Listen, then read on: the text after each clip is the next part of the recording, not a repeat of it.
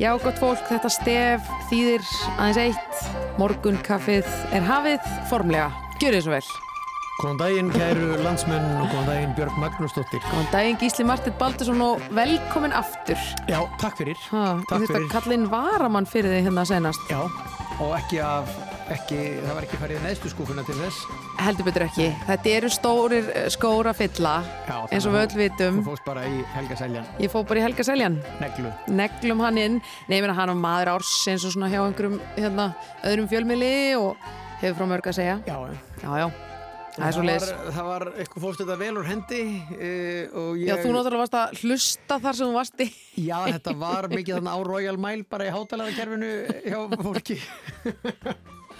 Nei, nei, þetta var, hérna, það var gott að, að komast aðeins í smá frí, við, við kannski tölum um það á eftir, fjölskyldan fór sem sagt til Skotlands, en það er gott að vera komin aftur.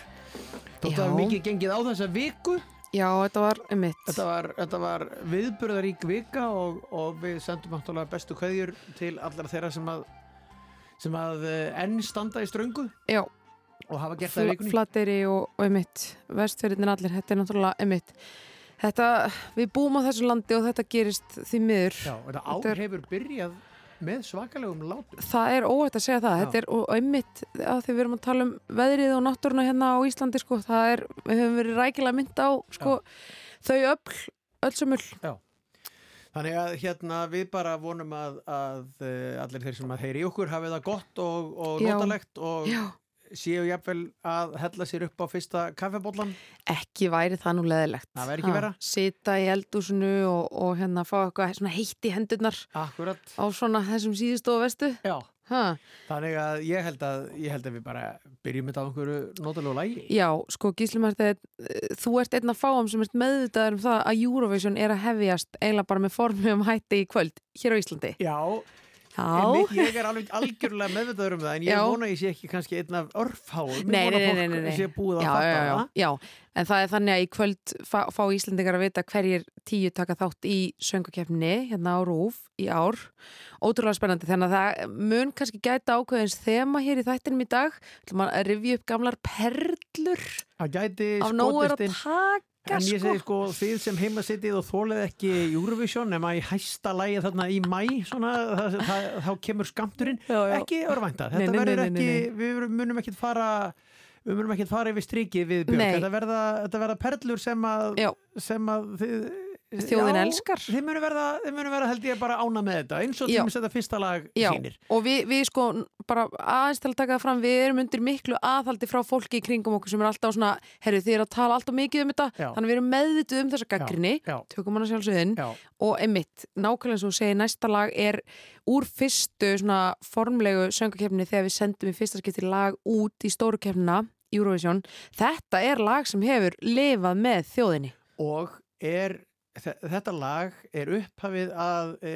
annarsætisfélaginu einmitt, sem að það er ansi mörg góð lög sem að voru í bunki. öðru sæti og við erum enn að segja hefðum átt að senda Karen út hefðum átt að senda í síðasta skipti út akkurat og það var sannlega sagt þarna Aha. hefðum átt að senda út í lífi draumi Mm Þetta er lægi hans Eyjóls Kristjánssonar og það er að sjálfsögðu Björgvin okkar Haldarsson sem fleitur. Gerir svo vel.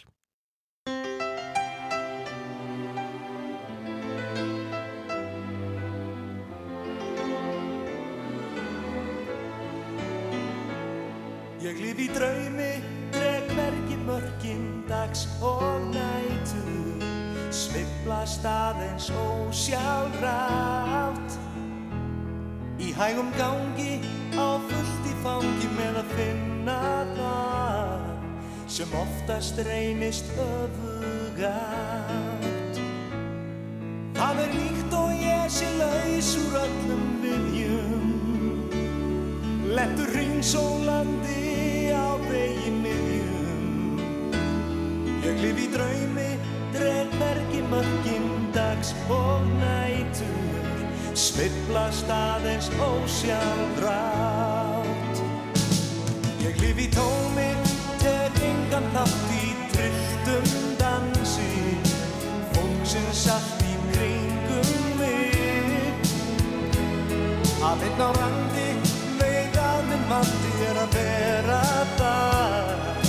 sem enginn getur áttað sig.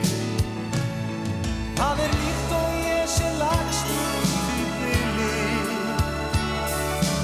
Leitandi að báta réttum kili. Ég lifi tómi, tek engan þátt í driftum dansi. Fólksins aftur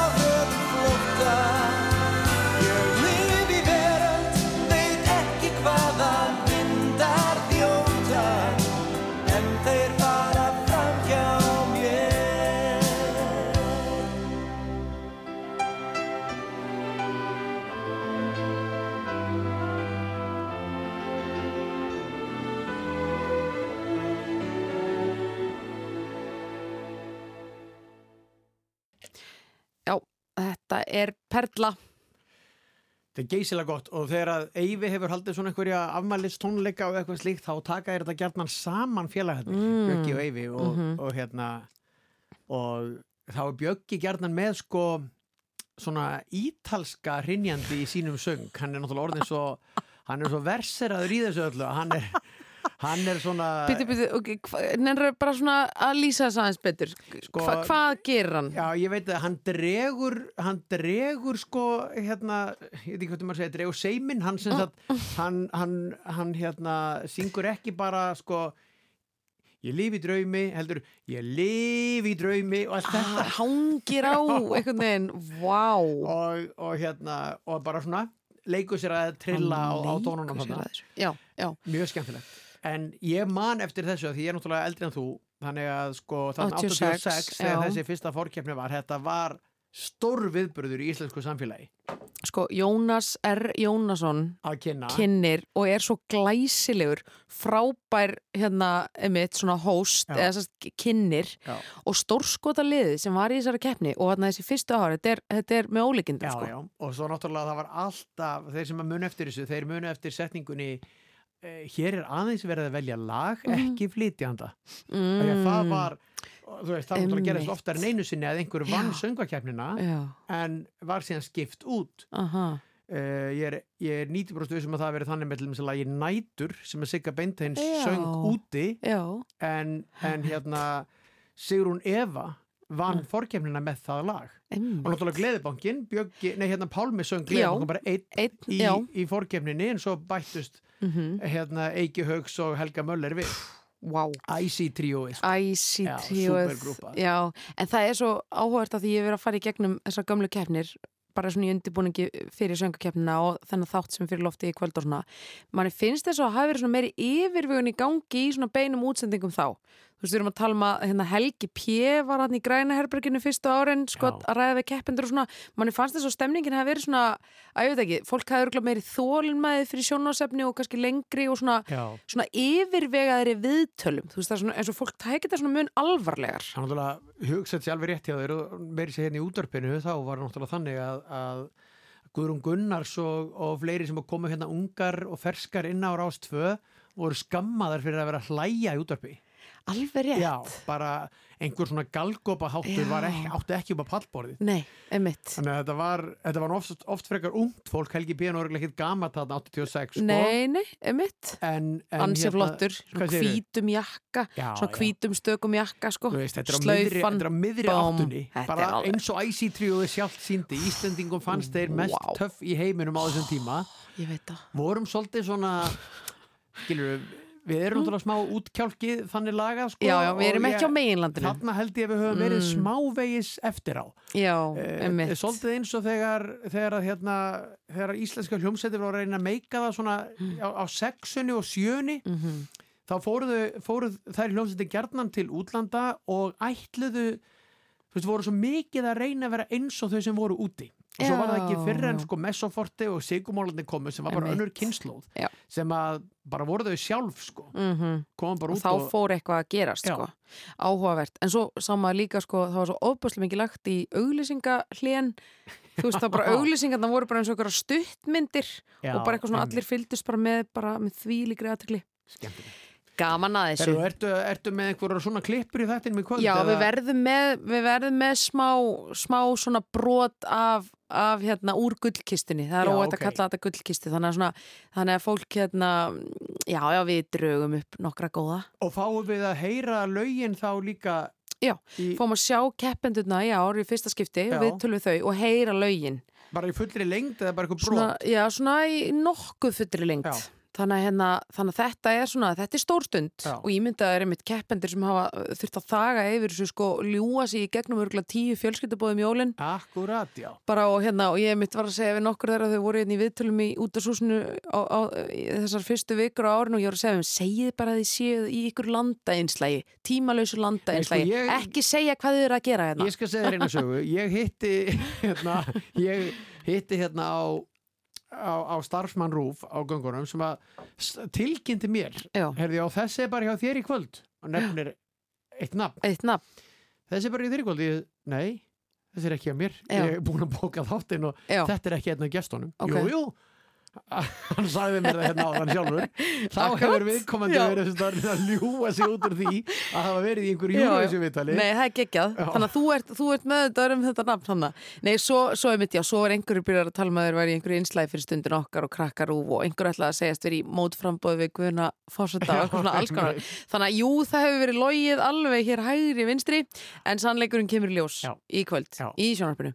En þetta er svona dagur og við erum á þessari tíðni og þessum tíma þannig ætlum að aðeins að halda áfram í róliðdeildinni. einn tólustamæður Ég sem hefur aldrei tekið þátt í söngakefninni og ég Já. sé hann ekki alveg fara að gera Um, kannski ekki úr þessu. einn að fáum, af því að mjög margir hafa tekið þátt Já, náttúrulega. algjörlega. Já, um, en það er Megas hann hefur Hann aldrei sjálfur? verið með Nei, hann hefur aldrei verið með. Nei.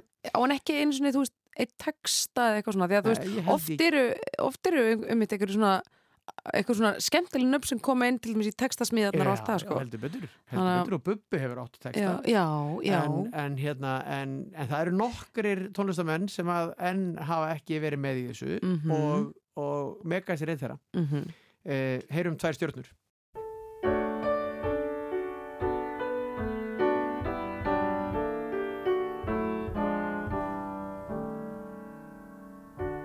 Tíminn flýgur áfram og hann teimir mig á eftir sér.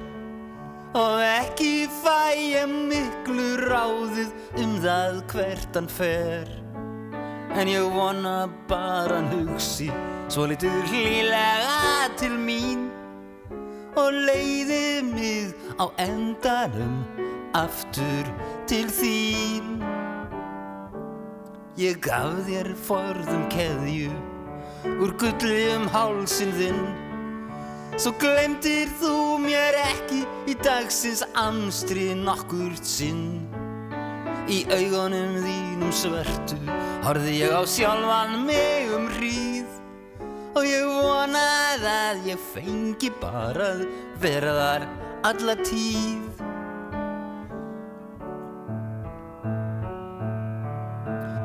Það er margt sem ángrar En ekki er það þó byðin Því ég sé það fyrst á ríkinu?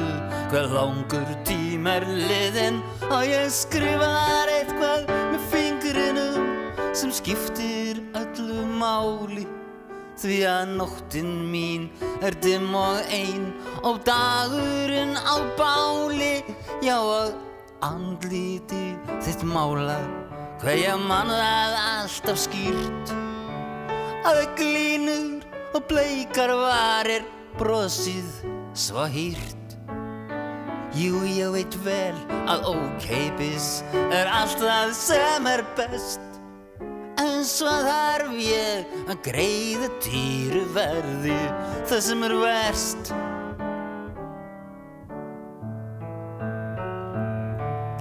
Ég sakna þín í byrtingu að hafa þig ekki við og ég sakna þín á daginn þegar sólinn brosir við mér. Og ég sakna þín á kvöldin þegar dimman dettur á.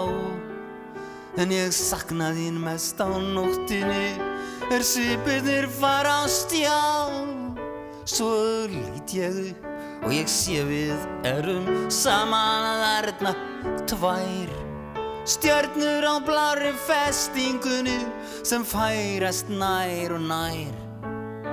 Já mann þig þegar augun mín eru opinn hverja stund.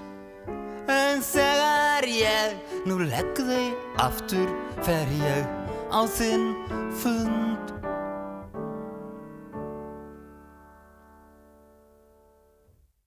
Já, þetta eru tvær stjörnur og það er Megas sjálfur.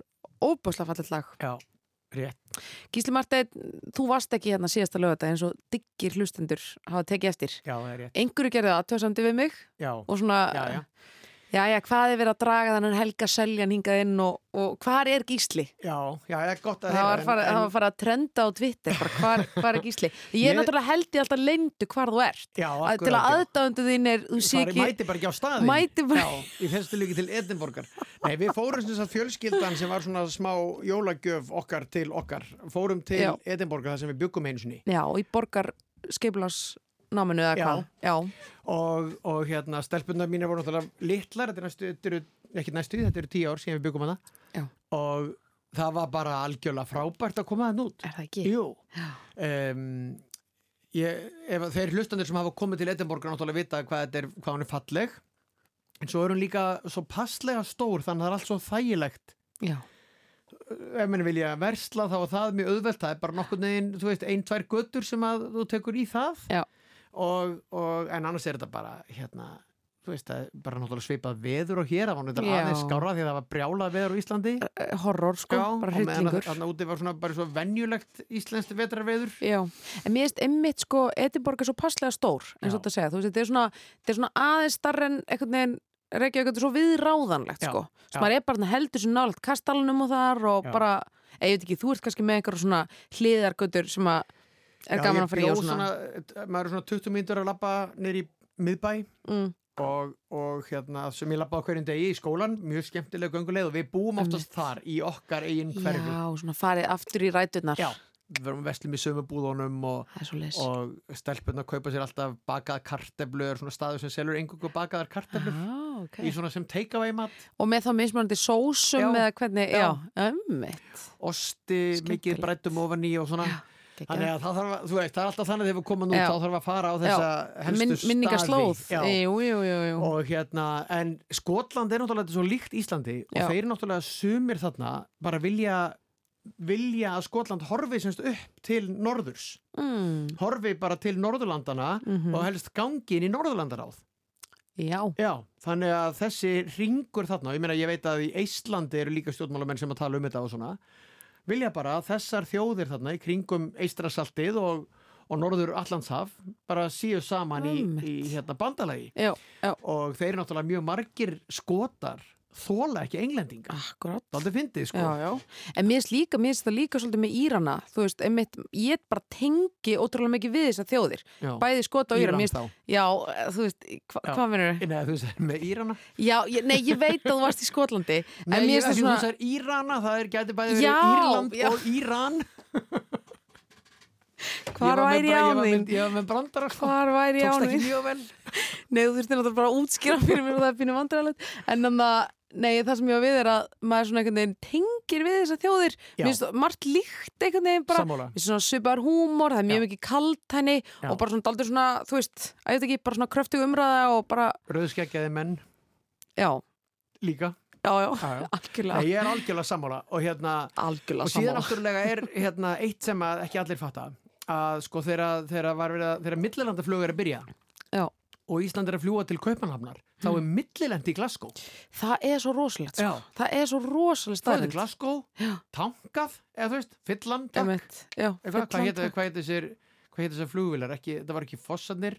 Gullfaxi held ég, faxarnir. Já, ég held að gullfaxi, minnir, minnir þetta þetta er algjörlega, ég er ekki búin að googla þetta. Nei, nei, hefur átt að googla betur jafnvel. hétu einhverjum svona fallegum nöfnum og lendu semst í Glasgow Já. fylltan og flugu svo áfram til köpun Fylgdan og takk. sama með skip þegar, þegar Gullfoss er að sigla Mm. þá siglir Gullfoss alltaf fyrst til Líð Aha, og síðan til köpun núna heyri ég hvert þú ert að fara með þetta. og Líð er nefnilega ein hérna er sem sagt var sérstök borg en er núna bara útkverfi í Edinborg þannig að, þannig að svo borg sem Íslandingar sáu jafnan fyrst af öllum útlenskum borgum var Edinborg. Mm og hún náttúrulega er svo stórglæsileg hann bara strax á Já. 19. öldinni og, og fyrr að fyrir einhverja menn sem komi hérðan ég meina, þú veist, árið 1850 hvaða, hvaða byggingar á Íslandi stóðu þá skilur við, Sko, háskólinn háskólinn er 1911 sko já, já, og hann er bara svona Alþingishúsið er 1881 já, skilur við, það voru ekkert við mjög vorum mörg svo miklu lúðar bara afsakið en við vorum það og, og sem sagt þannig að menn mæta þetta til Edinborgar og það eru náttúrulega bara ótrúlega glæsilegar Já. byggingar og götur og hverfi. Einmitt, og bara kastalinn hefur staðið bara í 14 aldir og Já, það er náttúrulega sagt sko að í kringum árið 1900 þá hefur þeir hist á götuhorni í Edinborg Mm. Einar Ben og Hannes Hafstein. Já, annar leiðinni til Íslands og hinn á leiðinni frá. moment. Og sagan segir að, að skotar hafi haft á orðið að sjaldan hafi jafn glæsilegir menn hist. Og byrju, hver var til frásagnar um þessu sögu? Voru ekki. með þeir tveir? En, Nei, ég fílaði þessi vinnubröð bara Já. um að gera ljúa þegar maður kemst upp með það. En líð er líka náttúrulega En þeir náttúrulega, voru náttúrulega glæsileg menn, Jú, að heldur betur. heldur betur. Já, já, glæsileg yfirvara Glæsileg alveg hérna, uh, sko líð er náttúrulega það, þaðan er sko þangað fluttur rosalega margir írar í hungursniðinu í Írlandi. Þannig að það myndast svona írst hverfi. Emitt og til dæmis hérna fótballliðið Hips sem að margir íslendingar hafa já. spilað með er náttúrulega Hibernian Aha. sem er bara latína fyrir Írland Emitt og náttúrulega spilað í grænu eins og Celtics sem er náttúrulega líka bara vísun til Írlands Mhm. og nú erum við að tala okkur upp í næsta lag ég, ég er að skinja það og ég er að fíla það lagið sem að sem að aðdáðandur Hips, það sem að margir íslendingar hafa spilað, mm Mhm. Viktor spilaði með Hips og Brynjólfur Lárusson spilaði með Hips og bara margir íslendingar hafa verið þarna Mm. Og lagið sem er sungið er lag með Proclaimers Mhm. sem heitir Sunshine on Leith Þetta er stórgott lag Þetta er stórgóðlega, þetta er Já. ekki mikið spilað ég geta gæti er fyrsta skipti sem þetta er spilað á Rás 2 en þetta er, þú veist að þekki allir þessi tvö lög með Proclaimers Mhm. þetta er svona þriðja og það er, það er söngleikur sem er frekar vinsæll uh, í Bretlandi Mhm. uh, upp úr tónlist þeirra Já. og hann heitir Sunshine on Leith þannig að við skulum renna þessu í gang þó ekki í sínum bara til að heyra það skoska hreiminn sem er þykkur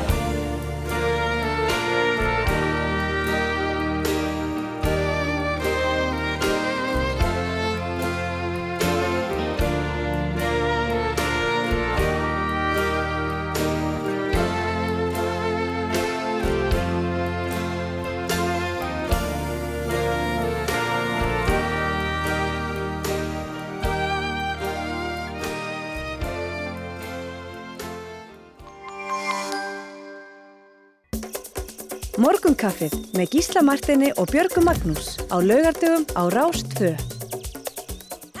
Já, góðu hlustendur, áfram heldur morgunkaffið á þessum góða lögadegi við Gísli Marteinn Baldursson sjálfur uh, sitjum hér í góðum gýr og erum með kaffibotla við höndina Já. eins og nafn þáttarins kynna. Við erum bara að drekka kaffi. Já, held að þurru alveg stundum að taka það fram. Já, já, nema hvað, já, við erum búin að endur heimta þig frá, frá Edinborg.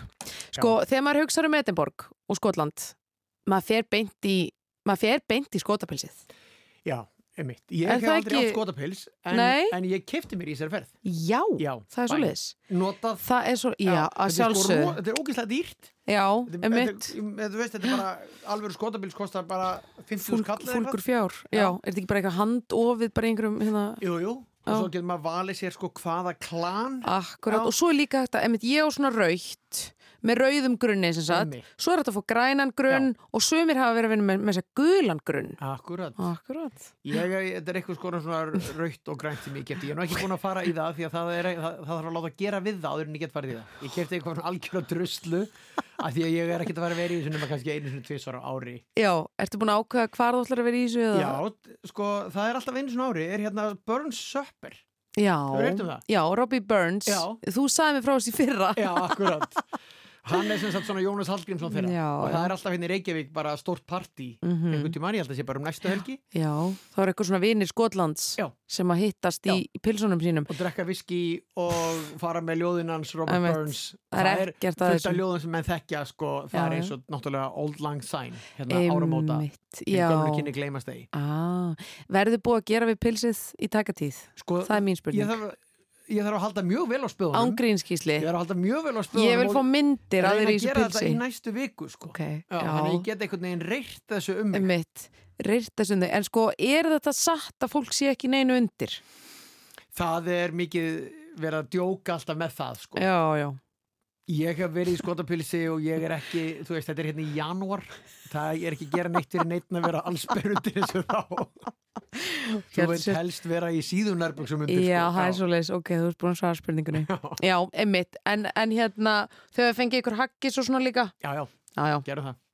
Allt klárt Já, hér. Já, það klárt að teka öll bóksir Ég meina Íslandingur sem kemur til Íslands Nei, hérna, ferðamaður sem kemur til Íslands og fær sér Já. ekki harfisk Ég meina, Það er bara eitthvað að, já. það er bara síðblinda Nei, nei, ég segi svona, en veistu, ég svona almennt séð því þegar fólk tekur ákvarðanir um að vera uh, eða ferðast eða gera eitthvað skemmtilegt í janúar. Já. Janúar er, þetta er oft smá brekka veist, en núna, þú veist, finnst mér þetta viðræðanlegt að það er bara, veist, út með jólin inn með júró, það er mitt motto núna. Akkurat. Það er nú Eurovision að byrja sko. En það, maður þarf aðeins að hafa fyrir því að gera sér eitthvað til skemmtunar á þessum, hérna, í þessum mánu það rétt. er daldið dimt sko. En þetta er að koma. Þetta er að snúast Þetta er að koma. Þetta er að Maður finnur snúast það. Já, Já, það Já, verður auðvitað ennþá að vera skýta veður. Þú veist, er ekki sagt að maður þurfa að þreyja þorran á góuna uh, Þorran er að byrja núna já, og, og hérna, þú veist, maður þarf að setja undir sig hausinn svolítið. Jú, jú. Herðu, en, en hérna uh, bara til þess að slúta þessu með Edinborg. Mm Eitt af það sem ég fannst merkilegast þegar ég bjóðana var þegar ég gekk fram á svona stóran, stóran platta á einu húsi þar sem stóð á ensku. Hér var íslenski þjóðsöngurinn samin, bæði lag og texti. Og ég, mig rak í ha? Stór bara platti framan einhver húsi sem er bara eitthvað íbúðahús og Ó. þá bjóð þar Sveinbjörn Sveinbjörnsson, sem semur lægið já. Og skoðið skjólsihúsi við vinsinn Mattíus Jókumsson og þeir bara hendu í lág texta. Ert ekki að grínast? ekki grínast. Bara góðum, góðum degi í Skotlandi. Já, upp úr einhverjum Davísálmi sem einhver prestur hér hafði sagt herðu, nú eiga allir að semja lofsöngin þannig að Já. já, Þannig að eitt, eitt eiliða smáblóm kemur í hausinn á honum þannig í, í Edinborg. Já, en að því ég vil ekki Þetta er spila þjóðsöngin svona fyrir klukkan tíu Svolítið laugardegi. Það er svolítið aldrei skrítið heldur en að spila þetta rétt fyrir fótboltaleiki. Einmitt, Það er svona, en mér finnst það eiginlega það er svo skitsofrenist að það verður skemmtilegt. Já Mér finnst þetta eiginlega að fara hringin að því að við værum með eitthvað svona super macho lag um hvað Íslandingar væru eitthvað sterkir og brjálæðir, væri það ekki bara eitthvað aðeins og mikið testosterun eitthvað og, og það er sko þetta hefur líka aðeins breyst eftir að strákandir í landsliðinu fóru að syngja svona kröftulega með. Já, einmitt, hvað var það að syngja aldrei með? einmitt, Auðvitað að þennja hérna rattbundin og garga þarna eitt eiliga Akkúrat. og auðvitað, en ekki hvað. Og þá snýst þetta ekki endilega um að vera að syngja þetta fullkomið, þetta snýst bara Nei. um að bara öskra þetta. Já, sjálfsög, minna á ræturnar og Já. og svo náttúrulega er einhverjir sem segja að þetta er náttúrulega trúarsálmur sem að þú Já. veist, ok, það er ekki allir kristnir og svona, en er þetta ekki samt bara komið svona einhvern veginn fram hjá því og yfir það? Jú, er er þetta ekki hægt að syngja þetta Þetta á ekki svona þverrtrúarlegt, þverrpolítist lag. Er, eins og næsta lag sem er bara mjög gott poplag þó svo að Benny Hemhem hafi sam, textin er bara beint upp úr Davíðsalmi 51 og lagið heitir Davíð 51 Já, frábært lag er hérna komið í spilunar ástöðu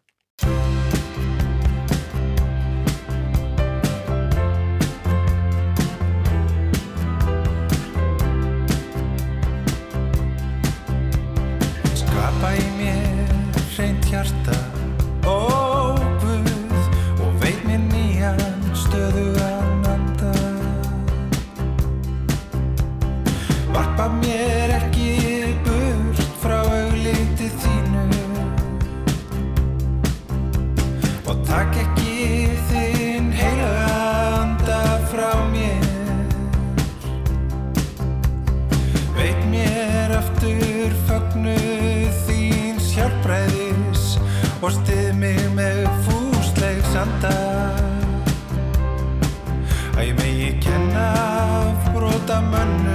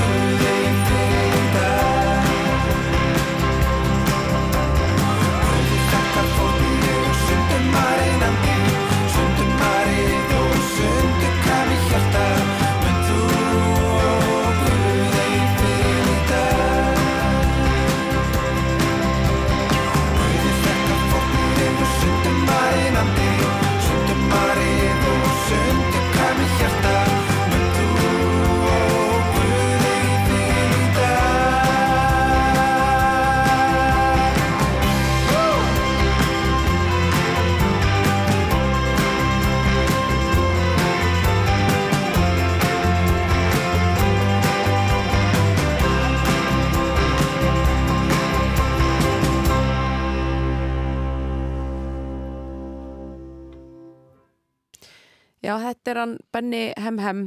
Daví 51, mm já, flott lag Æðislegt mjög flott lag. Já, virkilega sterk tenging hérna sem þú bendir hlustendum á. Gísli Marteinn. Erðu, en mér svoleiðis. eitt Björg að því að þú ert nú mjög duglegur hl- hlaðvarps hlustandi Takk. Já, ég, ég, ég segi það bara það fullir alvöru. Já, ég- mér finnst er- þetta er frábært. Nei, mitt, það væri nú ekki eh, það væri nú þér líkt að vera með smá brandar á Já, minn kostnað. Sko, ég er ekki með ég, ég, ég næ ekki alveg, ég er að reyna að hlusta á hlaðvör og ég næ þessu ekki alveg af því að ég get bara gert eitt í einu. Og um leiðu Já. þetta bara þess að ryggsuga eða eitthvað með hlaðvarp í eyrunum þá bara annarkot ryggsuga ég mjög illa eða ég missi þráðin í hlaðvarpinu ha- já, Já. ok, þú ert bara það Sönsaga Mér finnst nefnilega ymmit Mér finnst æðislegt þegar ég að gera svona allavega svona fimm hlut í einu. Þá vinn ég best. Já, það er, það er Nei, ég meina það er, það er hérna eftirsóknarverður hæfileiki En mér er ég- svona einhvern veginn frábært að vera veist, ég, nota hlaðverk mikið þegar ég er einmitt í húsverkum. Nú er ég svona fyrirmyndar húsmaður, skiljur Já. Þeir að vasku upp og du, du, du, ég er þetta með upp þetta vel, en þú veist, maður tekur pottana og eitthvað svona. Jú, ég hugsa hann og ég gæti vaskað Þá er Ég það sko- flott. Ég En ég meina, þú veist, þú ert með einhverja háværa ryggsugu í gangi, hvað heldur þú sérst að hlusta á hvað hlaðvarp þá? Nei, það gengur, sko, það bara mengar ekki sens. Nei, ég er náttúrulega með sound cancellation maður Ég er með, ég er með svona heyrnantóla sem ég heyri ekki umhverfisljós sko. Þannig að það getur alveg virkað en, en hérna, ég er bara einbyttum með svo mikið ég, ég, þú ég og þessar sko sugur í lífinu, það er haugsuga, það er ryggsuga, Já. En núna er ég með kenningu sem vinur þinn. Uh, þú náttúrulega talar, þú talar ekki lítið. Nei, ég Ertu kannski alltaf bara bladrandi? Þannig að þú... Nei, já, bara við.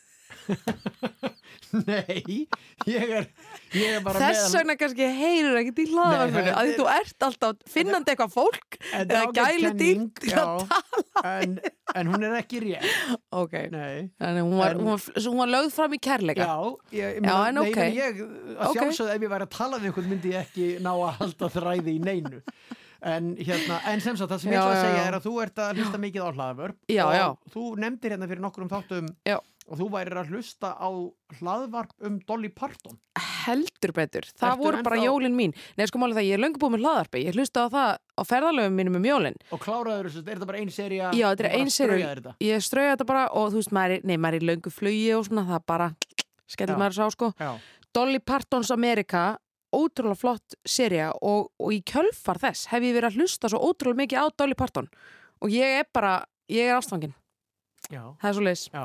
Og mér finnst hún frábær og hún á svo ótrúlega mikið að skemmtilega lög og veistu hvað er svona samnefnar í, í tónlistin hennar, ef ég má bara tala út frá mínu brjósti, komdu með það. Kondu með það, þakka þér fyrir. Og hérna, það er eitthvað svona það er alltaf einhver svona bjartur og glaður tótt í henni, mér finnst alltaf eitthvað svona þú veist, maður fer svona einhvern veginn ah, gott að byrja daginn á Dolly. Gott, til í þetta. Hvað myndi Dolly gera? Er svona spurning sem þú spyrði að þú lendir í erfileikum Hvað myndi Dolly gera? Já, Dolly, ég fekk nú hérna bók í jólagjöf svona með bestu Dolly setningunum. Til dæmis að ég segja hvað hún segir um hjónaband? Um. Likill að góðu hjónabandi segir Dolly Parton að sé að halda sér fjarrri hvoru öðru. Hún, hún hún segir, bara, hún segir bara stay gone. Ok Og hefur hún verið gift lengi í sama manninum? Ég að veit það ekki alveg sko. Já, að Kom það rannsaka ekki- Kom það ekki fram í Mér varst það bara svo ógislega fyndið Þetta er svo hræðilegt ráð sko bara, bara giftist þið og bara farið í sundur. Einmitt. Þá bara þetta hjónaband svínvirka. Ok. Ég Þannig að hérna, já, allavega en ég meina, allavega, já, Næsta en- lag er já, næsta lag er Dolly lagdagsins Já, og ég ætlaði nefnilega að fara í að því að hún hefur sami svo ótrúlega mikið af fallegum lögum og hér er nú eitt, eitt alveg sérstætt og þetta er lagið I Will Always Love You og þetta þegar hún var að hérna, slíta sam, eh, vinnusamstarfi við Porter Wagoner þau voru þarna miklum, miklum ferðalögum og tónleika saman ok. þá var hún sko, hún vissi ekki hvernig hún átt að segja hann um það, hún væri bara þú veist, að fara og að, því að hún bara gerði mjög mikið fyrir þetta sjó og viss alveg að fjárvera hennar myndi svolítið draga hans karriér niður. Já, þá samt hún þetta lag til hans og lappar hann á skrifstofu til hans og flytur lagið I Will Always Love You og, og með því segir honum bara, þú veist, takk kærlega en ég er, þú veist, Já, ég er farin. Þannig, og það er svona, og maður færi einmitt svona sögur á baku mörg lögin, þú veist, hvernig hérna til dæmis Jolene, hvernig það er samið og Já. alls konar svona, þannig að hérna, ég ætla að hætta að tala um uh, hérna, þetta dæmi og, og Þetta setja bara lag sem að vittnir í gang. síðan gerði já, bara tekur á annar level, Já, veist, í myndinni bara Lífvörðurinn. Eða örgisvörðurinn virka Lífverður hljómar aðeins betur en öryggisverður. Ég er bara að sjá fyrir mér einhvern svona stæðilan mann frá Securitas í smárlunda. Nei, lífverður, það er Ok, lífvörðurinn Já, lífverðurinn eh, en- og Já, en við ætlum að heyra þetta í flutningi Dolly Parton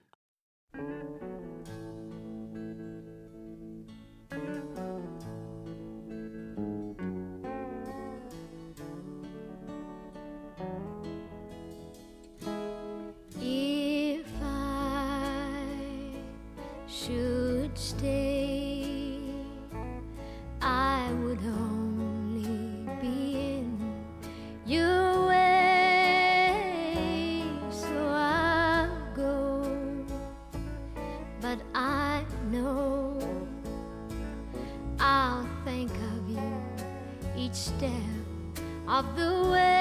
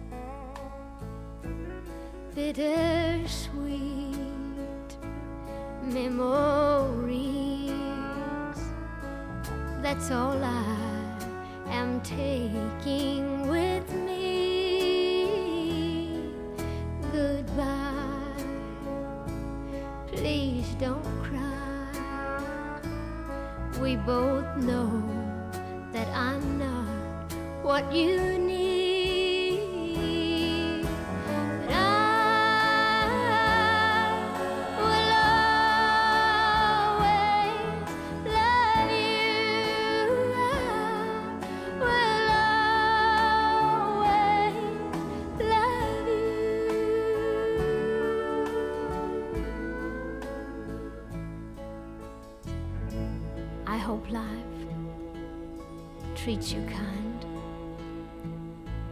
And I hope that you have all that you ever dreamed of. And I wish you joy and happiness. But above all of this, I wish you love.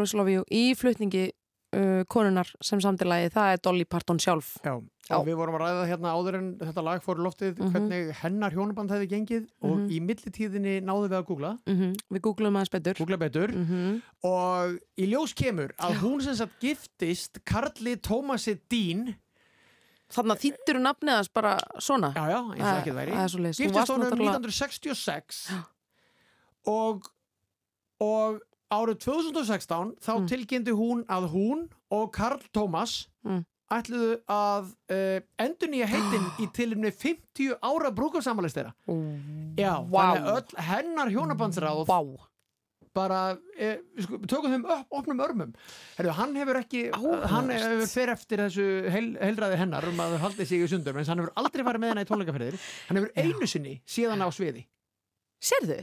Þetta er málið. Karl Tómas lítur nú að Þarna- vera sérstök skrúfa að Já, Já. en kannski er þetta bara frábært. Kannski er þetta bara frábært. Hann var í Vá. malbyggunarbusinessun getið satt þér niður í Nashville, Tennessee. Það er svo leis já, hann var í eh, hann var í malbyggununni Hann var í malbygguninni hann var í Það er ekkert öðruvísi, en mér, mér finnst þetta mjög áhugavert að byrja bara með, til dæmis mannesku sem væri með svona 100% mismunandi þú veist, vinnutíma, þú veist, ef ég væri bara myndi byrja með manni sem væri alltaf að vinna á nóttunni, skilur já, og er það ekki bara ógstast sniðut? Nei, mér að það vinkunum mín saði þetta þe- áður hún byrjaði með flug, uh, flugstjóra Já, og sagði bara, þú veist, ég vil vera með manni í vaktavinnu. Já, bara heðalega með það, Já. þá gengur allt miklu betur. Þá fer það að sakna viðkomandi þegar hann er í hérna, flugi og stoppi og eitthvað svona skilur, ok. Ok, þú ert ekki að kaupa þetta. Ég segi bara Þú- þú átt hvað náttúrulega sem virkar. Bara hvað sem virkar, fyrir hvern sem er. Já, já, en mér er stáhört og þarna sjáum við að Dolly, Dolly hún, hún, hún færi sér nýtt þar sem hún predikar veist, hún Hún praktiserar það sem hún predikar betra Já, já, það er svo leiðis er þetta já, er skemmtilegt og við bara sendum þeim hjónum okkar allra bestu kveðjur Já, við vitum að þau eru að hlusta, þau, hafa verið að senda inn, inn svona kveðjur. Já. Já, já. Herðu, áfram, áfram með smjörið og upp með fjörið ef við ekki að fara í eins og eitt lag með Retro Steffsson. Ó, svo Hvernig Ætlaður að stinga upp á þau kannski? Akkurat, sko, það er það er uh, Nei, meni, ég bara meina það er svo gaman að heyri þeim Þau eru hægt Sammála, að spila en sammála. við eigum ennþá þessu lög sem að koma út Já. og þetta var náttúrulega á okkur sem við þau gáfu út þar sem, að, þar sem að var bara eiginlega ekki stíð fylspor á allir Ég- plötunni Svona ungæðisleg gleði og Já. bara mikill kraftur. Beint í loftum með þetta, glow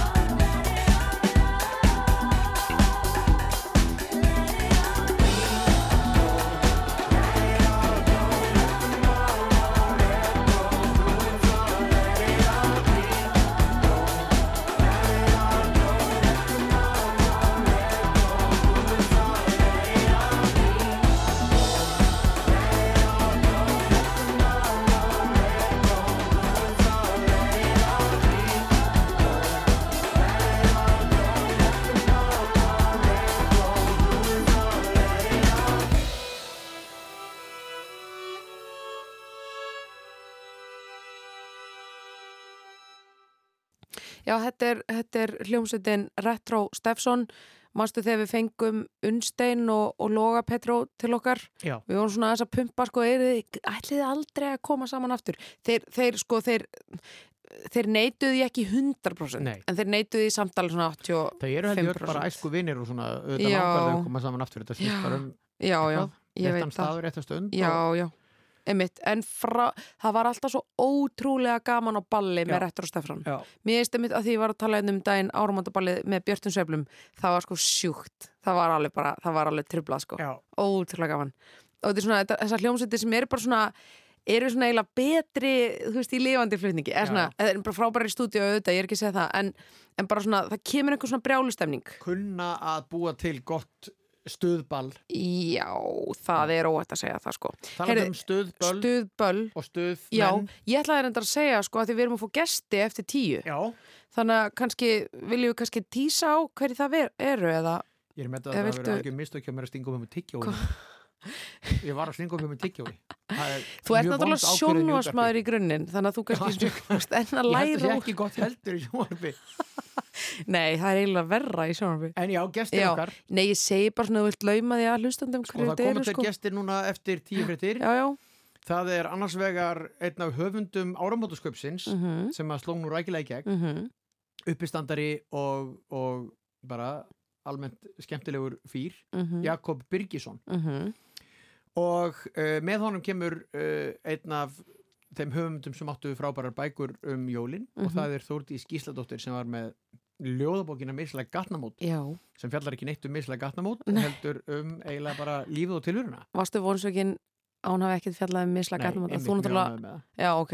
En ef þetta hefur verið ádeilu á misla gatnamót? Já, það hefur verið mála öðru við. Já, en við ætlum að hérna, einmitt, skella laga fónin og með við tökum mótið þessu góða fólki sem við ætlum að spjalla við uh, Já, og þú varst byrjað að tala um stuð stuð Mhm. fólk og stuð gýr. Hvernig gengum við tekið við þannig Stuð, menn eiga einmitt afmælu um þessar myndir þannig eigum við ekki að, Já, eigum við ekki að setja eitthvað gott með þeim. Ef að gera það bara strax í dag eða? Gerum það strax í dag. Morgunkaffið með Gísla Martini og Björgu Magnús á laugardögum á Rást 2. Jafnvel þótt að hún brást, trúi ég inn á ást Jafnvel þó svo suma stelpur tali eins og stjórnir spá. Lít ég bara fram á veginn, þetta rettast einhvern veginn. Á höndunum þá stýttir alltaf upp. Kanski árið 2020 Horfum við tilbaka og sjáum eitthvað annar Kanski þegar ég er orðin þrítugur. Fjallaðinn er lengri, komin nýtt samhengi. Þó það rigni á mig allt sumar. Er aldrei að vita á hverju framtíðin lumar. Ég fyrir ringin í nýju ljósi. Sendi mínar tærustu víbrur í kosmosi Flott, flottu gæi, þú fær bara inn að æfi Nýju tímar tækifæri, svo ég svæpa smá til hæri L.O.I. með stykkin på típa Hún er fín og vinkun hennar líka. Þótt að hún brást, trúi ég enn á allt. Jafnvel þó svo suma stelpur tali eins og stjórnir spá Lít ég bara fram á veginn, þetta rettast einhvern veginn. Á endanum þá stýttir alltaf upp Stýttir alltaf Kanski árið 2030 Hólfum við tilbaka og sjáum eitthvað annað. Kanski þegar ég er orðin ferstugur samhengi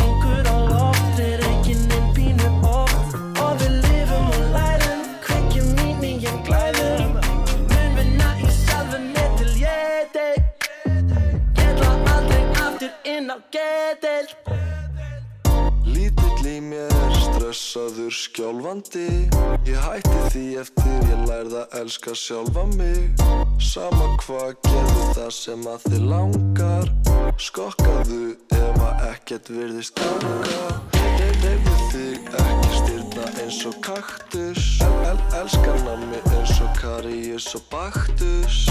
Mörg mismunandi hljóð, það er taktur. Valdi syngur krókin vel, má ég heyra hann aftur? Kanski árið 2040 Hólfum við tilbaka og sjáum eitthvað annað. Kanski þegar ég er orðin 50 Fjallæðin er lengri, komið nýtt samhengi Og sjáta á alla þá sem að er í gangi gegnum skilnað eða voru hægt með kærastum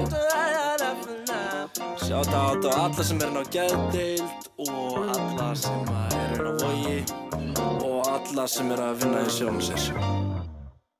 Já, þetta var Auður og Valdimar Guðmundsson. Og þegar þetta lag kom út að fannst manni þetta aldrei langt í 2020. Ég ætla að vera samanlegaður. Það kom út eitthvað var alveg- 2018. Það var alveg, einmitt. Kannski árið 2020 gerist eitthvað sko sem er langt inn í framtíðinni. Já, Svo svo bara allt komið. bang. Já.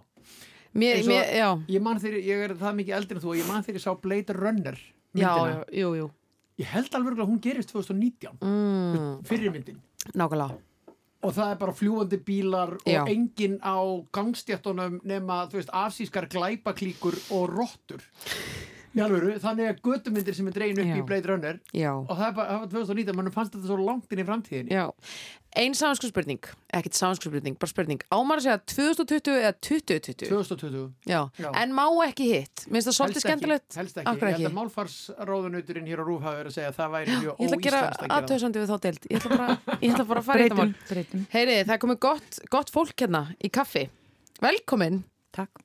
Já, takk velkomin fyrir. bæðið tvö, Jakob Birgisson og Þórdís Gísladóttir uh, Við erum búin að kynna ykkur hér Já, uh, við fyrir svona í þættunum en ég kannski því. gera það aftur. Já, Sko, Þórdís var með stórkostlega ljóðabók um jólin Mhm. uh, eins og stundum áður. Heitir Mislæg gatnamót. Uh, og bara eina af mínum eftirlætis bókum þessi jól og Jakob var með einn eftirlætis sjónvastáttu minn á gamlaskvöld áramótasköpin Já, þú varst með vinsalasta sjónvastátt ársins. En það ekki, varst þú ekki með mest áhörfið? jú, jú, það var ég. Já. Ég haf ekki með þetta góða áhorf á Já. það er allt fyrir. við eftir þetta.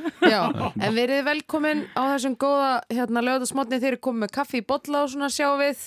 Algjörlega. Reynum að hugsa vel um fólki hérna sem mætir. Já, En þið, það er svolítið, sko, það eru nokkur ára millikar en þið eru þó með sterkar tengingar. Já, Þetta er skemmtilegt já, mál. Að byrja kannski bara þar. já, hvernig tengist þið? já Jakob mann alltaf ekki eftir því en uh, það vil svo til að ég held á honum undir skýrð. Já, Já. þetta vissi ég ekki er Hann var skýrður uh, inn í sænsku þjóðkirkjuna. Og aðtöfnum fór fram í blokkarkjallara í uppsölum í Svíþjóð. Nei, Ha, alvöru. en hvað það var skemmtilegt skemmtilegt Og sko. gretan mikið. Nei, ég man ekki eftir því sko. Ah. Hvar var þetta í Svíþjóð? Var þetta í uppsölum þá? Þetta var í Uppsölum Já, uh, og þetta var, já, það var eitthvað svona lokal sem að einhver kirkja, einhver svona hverfiskirkja í einhverju stúdendakverfi hafiði til umræða. Já, ok. Og í Og- kallara segir Já, þetta var svona eitthvað, eitthvað, eins og eitthvað svona eitthvað herbyggi í kjallara svona sem að var fyrir eitthvað, eitthvað ammaliða kaffibóð eitthvað sem var búið að innrétta sem litla ki- svona kapelli. Niðursalur í uppsölum Já, já, svona er maður alþýðlugur, sko. Er, Þarna byrjar þetta. Maður sem er skýrður í niðursal í uppsölum Hann getur ekki annað orðið Það er engin leið nema upp á við. Já, þannig að- Uppi stand. Já, Æ, þannig að Þórdís er guðmóð mín. Já, er geggjað. sko, ég get alveg sagt það af Því að við vorum nú að bóka þetta fólk hérna í vikunni að, að ég hafði ekki hugmynd um þessa tengingu Nei, Ekki einmitt. gera þetta nú Þeir eru ekkit þvinguð, þetta er ekkit þrúandi fyrir ykkur að þeir eru ekkit að hittist í fyrsta skipti síðan þetta gerðist eða Nei, nei, Nei, nei. Nei. Við höfum reykist hvort og annað sko. Já, En sko, nefnilega, Jakob, þú ert, já, hvernig á ég að orða þetta? Þú ert sko fættur gamall, er það ekki? Svolítið. Þú Jú. tengir mikið við fólk svona af næstu kynnslóð. Já, ég er kannski meira með fólki á næstu kynnslóð, ég veit það ekki alveg. Ég, Já. En fættur gamall og ekki. Eða svona ég gömul sál. Já, ég mitt. já, já, það má orða það þannig, kannski. Einmitt. þér það sjálfum? Ertu, ég meina, eins og þegar þú sest niður með jafnöldunum þín, af því að þegar ég sest niður með þér og við erum Já. eitthvað að vera ef við hittumst á eða eins og bara þú varst að koma til mín í vikuna eða eitthvað mm, þá erum við að kjæfta saman um eitthvað bara pólitíka, þjóðmálin eitthvað Mislag Er- gatnamót. Já, ertu síðan skiptir í einhvern allt annan gýr þegar þú ert með 21 ás jafnöldurum þínum?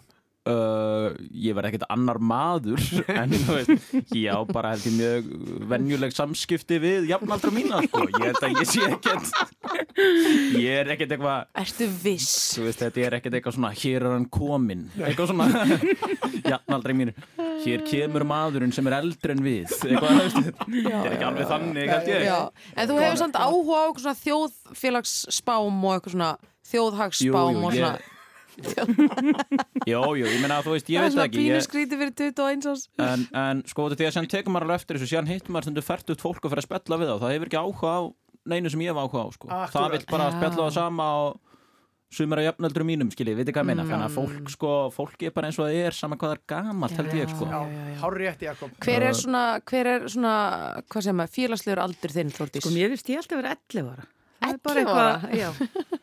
Ég einhvern veginn bara upplifið mig alltaf einhvern veginn svona 11 ára. 11 ára þá svona 11 ára bráðgera Já, stelpu e, já, einmitt. Já. Mér, þá fannst mér bara einhvern veginn tilbúin til að fara í heiminn. Það eina sem ég ágjör á var að ég skildi ekki alveg hvernig maður þetta skrifa á víksla og eitthvað svona, en núna er það búið, sko, það er engin með víksla, þannig að ég hef bara 11 ára með heimabanka, ekkert mál. 11 ára vel máli farin, ótrúlega góð að skrifa. Þá getur skrifað barnabækur.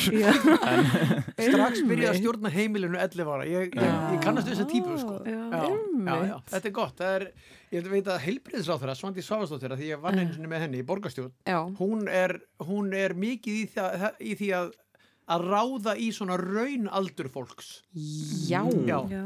þú veist, hvernig einhver er bara raun 55 ára Já. og svo sé kannski bara ungur Hvað myndið þú vera, Gísli? Nei, hún einmitt saði það, þú veist, ég var svona, þú veist, einmitt, eitthvað 12-13 ára bráðger, talaði mikið.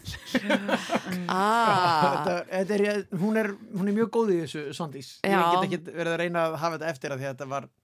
Nei, nei, ég mitt, við skulum ekki vera að leggja henni orð í munn. Nei, Nei, hún er ekki hér til að svara fyrir sig. ert þú hér að leggja hilbriðs á orð í munn? ég get svo sem alveg gert það. Hér á Ég- lögu þetta smótni, Já, ég ég- stefna ekki alveg hæfi. Nei, þetta er að að þetta er... Já, ef að tæknistjórn kynni að taka við símtölum þá væri það frábær hugmynd. En, en núna skilum maður kannski betur. Þú upplifiði yngri og þú upplifiði eldri. Þannig að þá skil ég hvernig þið, teng, þið mætist á miðri leið. Já, ég held að ég sé svona raun 42 ára kannski.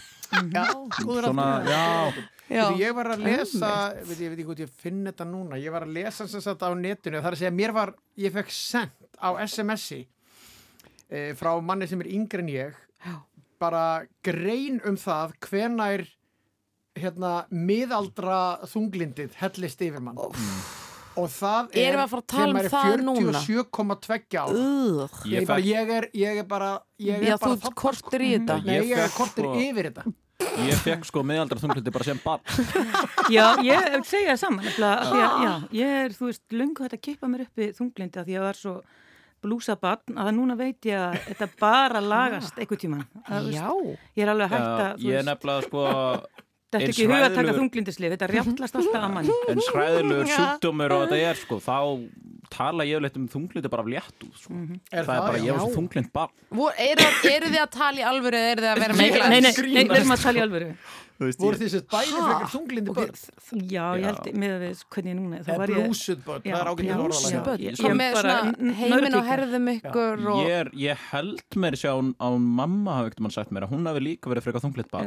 að þunglind Já. en hún er að, ég myndi, ég held hún sé ekkert þunglind í dag ekkert meira en venjulegt fólk sko. Ég að held að það er bara svo erfitt að maður upplifa það bara fyrsta skipti miðaldri að vera þunglindur. Ég held að það sé svakalega erfitt. Já, betra að fara í gegnum. Betra bara, já, ég meina, ef, ef, ef maður, þú veist, maður svona, já, það er náttúrulega mjög slemt að vera þunglindur, en Já, já. ég er En mjög fegin að vera svona þunglind barn og byrjun á úlingsárum sko. Já. og svona unnið úr því náttúrulega, ég er svona heppin með það kannski svona að, að þunglind er alveg svona viðkent þegar ég er barn sko, Já. að úlingur, ég veit ekki alveg hvernig það var hana, þegar þið voru yngri en hérna nefa meira svona, maður var bara í fílu, já, já, eða Já. nennringu og eitthvað Já, svona. en ég var bara svona Ah. kvíðar þunglindur og síðan bara uh, hef ég ágætla að geta að veksa upp á því Sko, hérna mislega gætum á ljóðbókin Þúrtís er nú smá um þetta um svona að, að lífið er ekki, þú veist, einhver lottovinningur alltaf. Mhm. og la- ljóð nummer tvö sem heitir árétting byrjar á lífið er hvorki sangirnis vottaðin ég svansmert Nákvæmlega. er góð lína. Ég var, við vorum um þetta að tala um bókinu, ég var að segja að þú veist, mér finnst þetta að vera svona sjálfsjálpar bók í svona, svona kaltænum ljóðum.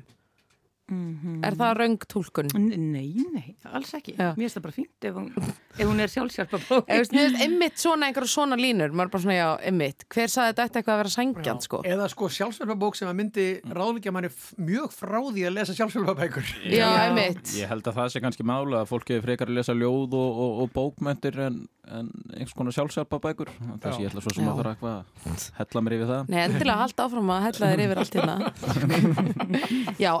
já, en, en þessi, hún hlaut hérna mjög góða viðtökur. Já, Og- bara mjög fínar. Já, hvernig kemur út úr uh, jólabókaflóðinu? Þessum álagstíma við töfunda og skálda og svona. Sko ég fekk flensan rétt fyrir jóli, rétt bara að ná mér á henni, en annars var þetta ekkert mikið ála, þetta er bara frekar rólegt sko. Já, Sem, sem fólk er bara svo dramatíst eitthvað yfir þessu, ég að þetta er bara eitthvað, maður skrifar einhverja bók og skilar henni einhvern tíðan í vor og svo er hún bara einhver stórt í þjóðfélagin Sko, Dóri Díana held í fram að því hann var með skáldsögu og hérna var mjög duglegur Mm. að, að hérna íta henni hérna áleiðis í gegnum gegnum samfélagsmiðla og svona seldist Mhm. alveg frábælega vel. Hann sagði að þetta væri svo allt annað líf að vera með skáldsögu heldur en ljóðabækur Mm. af því að skáldsöguna væri teknað svo alvarlega en ekki ljóðabækunar finnur þú fyrir þessu? Þú Já, varst með skáldsögu í já. hvað hitti fyrir að? Já, ég er samt ekki svona dramatísku kallmaður sko, þannig að ég, það, þú veist, það, það er alltaf sagt að konur sé eitthvað drama, drama, kallmenn er miklu dramatískar en konur nokkuð tíma. Jú, jú, það er Heyr, heyr, Það- án það jokes, þannig, án ég meina, jokes, já. þú veist, já, miklu, miklu. bara 100 p Nei, Þetta er jú, já, þú veist, fólk tekur, jú, uh, skáldsögur eru alvöru, en mér finnst samt, já. Ég held að segja ekki. samt líka skipta máli hver er að gefa út ljóðu og hvað hann hefur gefið út marga bækur og hvernig það hafi já, hefnast þetta er eins og Þórtís fyrsta, fyrsta ljóðbóki þín fær strax verðlaun uh, Tómas Guðmundsson mm -hmm. Mhm, og gengur mjög vel og í raun og veru hafa hafa ekki til dæmis allar þínar jú, það eru bara allar svona. Ég meina þe- þessi, hérna misla gatnumót fekk náttúrulega mjög mikla já, aðtegli og góða. já. á Dóra á löstuðum sko. Já, já, Já, já, algjörlega. Já, já. Þetta var bara hans upplifun, sko. Ég held kannski líka bara því að skálsagan hans var betur heldur en ljóðabækunar. Já, já, Dóri veit ekkert um þetta Sko, hérna, akkur, þú segir, það er ljóð hérna sem að- á blasíu 20 sem heitir ekki franst. Og þú segir að, að, og svo telur upp það sem er ekki franst. Franst brauð, franst hot, fransk toast, franskur koss. Akkur er franskur koss ekki franskur? Ég meina, hann er bara alþjóðlegur. Ah, ok, Nákvæmlega, ok. Gísli. Ok, ok. Heyrði, við ætlum að halda fram að tala um bókina og fleira hérna eftir. Við ætlum að taka eitt lag. Uh, sko, ég nefnilega er að spája að setja bara svolítið svona partilag á. Já, gerðu mér finnst svona stemningi verið aldrei þar. Hvaða partilag? Að ég ætla bara að setja dansiði með Já. Jónasi sig. Í það. Og það má ná sér í meira kaffi og svona meðan, en, en þetta góða fólk situr hérna áfram með okkur.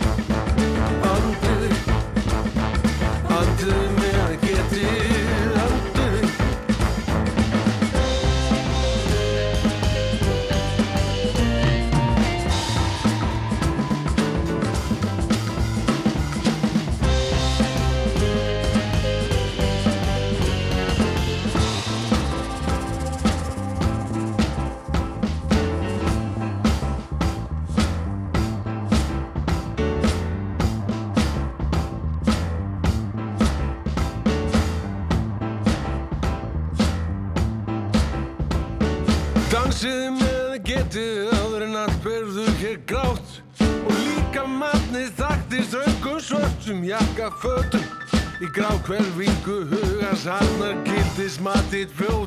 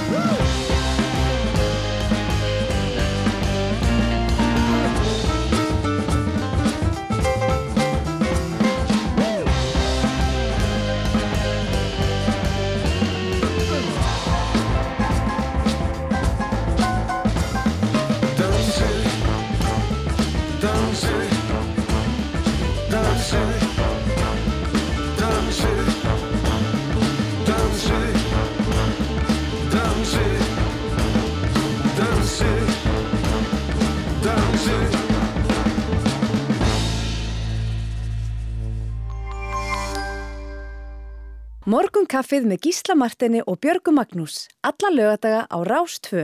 Fyrst og fremst um helgar. Já, áframhaldum við með morgunkaffið, það eru góðu gestir hérna í, í sitja hérna við borðið með okkur, Þórdís Gísladóttir og Jakob Birgisson. Já. Jakob, þú ert titlaður grínisti.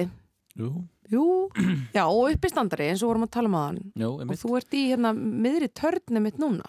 Jú, jú, ég er bara með síningu í gangi, allt í gangi, heitur hún. Já, hún heitir það einmitt, þú og Já. Jóhann Alfred. Svona Já. frumlegt og gott nafn. Ég var að sína í gær og var að sína aftur í kvöld og þannig að það er Já. bara blúsandi siglingu. og Ok. náttúrulega Já. Er þetta, er sama sýning og þau voru með núna fyrir Já, við byrjuðum með oktober hann fyrir áramót og heldum alveg þó nokkrar þá og höldum núna áfram. Mhm. Núna, já, mitt í gær og í kvöld og síðan áfram í februar og eitthvað inn í árið. Ok. Já. Þannig að þetta er alltaf bara Er þetta skemmtilegt. ekki, er þetta ekki, er, ég manni, ég fór á uppistand hjá þér þegar þú varst með fyrstu sýningunni þín og slóst svona svolítið í gegn. Þá varstu heilmikið að tala um það hvernig það væri að vera uppistandari, hvernig ferlið væri að setjast niður og skrifa brandara. Já, fyrir svona amatör. Já, Já.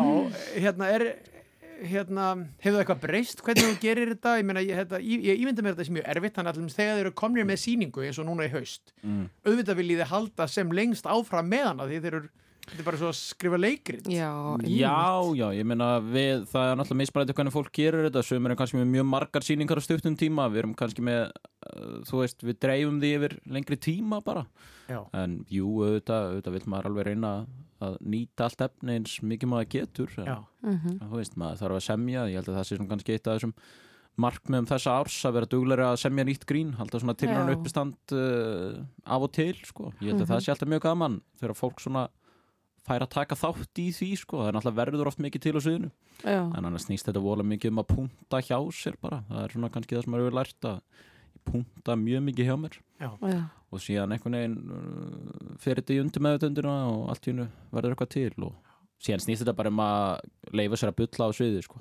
Já, má ég, ég spyrja henni að þegar þú varst að koma fram á sjónasveið þá fegstu hérna það voru rosalega svona sterk viðbröð til dæmis frá Ara Eldjarn mann ég. Mm. hann sagði bara, þú veist, næstuði bara Star is born þú veist, tek hérna erlendan frasa stjarnar er fætt Stjarna er þú veist, þú fegst mjög mikið lof og ég hugsaði mitt bara, ú, wow, ok, geggja að fá svona mikið lof frá hérna, einhverjum kanunum í bransanum, en á sama tíma bara váka ég væri stressuð að sko að bregðast ekki þessum, ég meina þessum væntingum og allt það, sko, hvernig hvernig einhvern veginn leið þér með þessi fyrstu skref?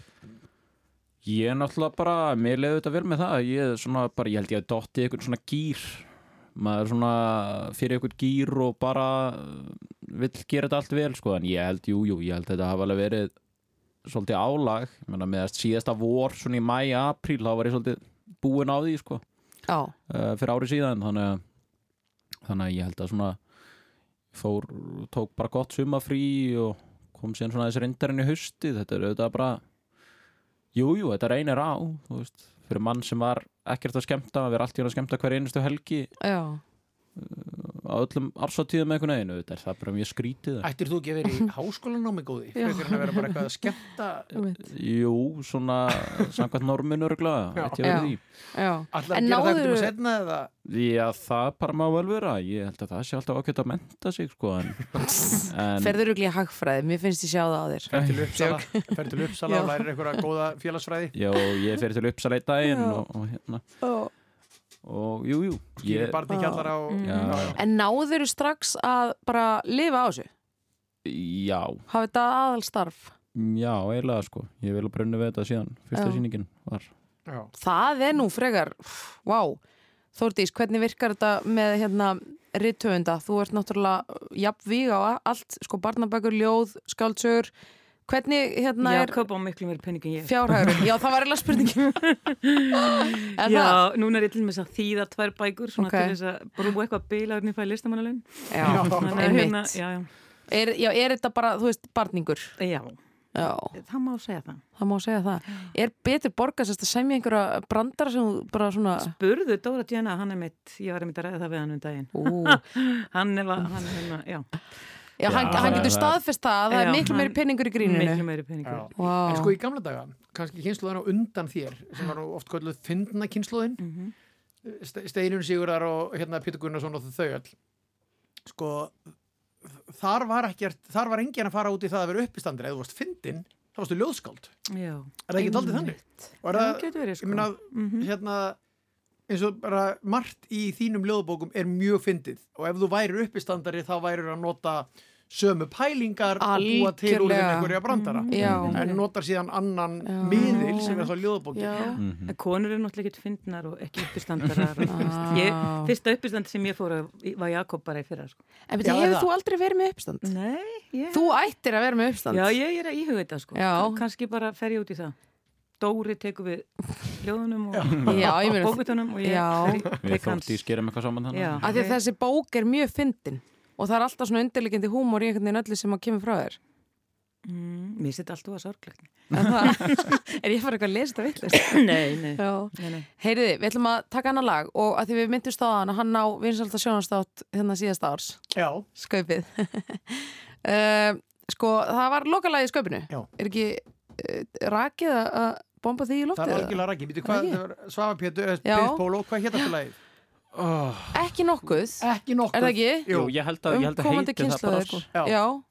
Ég sá Uh, aldrei titilinn sko Það Nei. var Nei. svo sem ekki mikið að pæli því Þú varst bara á svona aðal fundunum skilur svo bara skiptir þér ekkert af restinni Já, ég þykir þetta lag, ég er ekki Já. með þátt þáttur minn, ég gerir lagið Já, en hérna, hérna kemur það og þau sita að sjálfsögðu áfram með okkur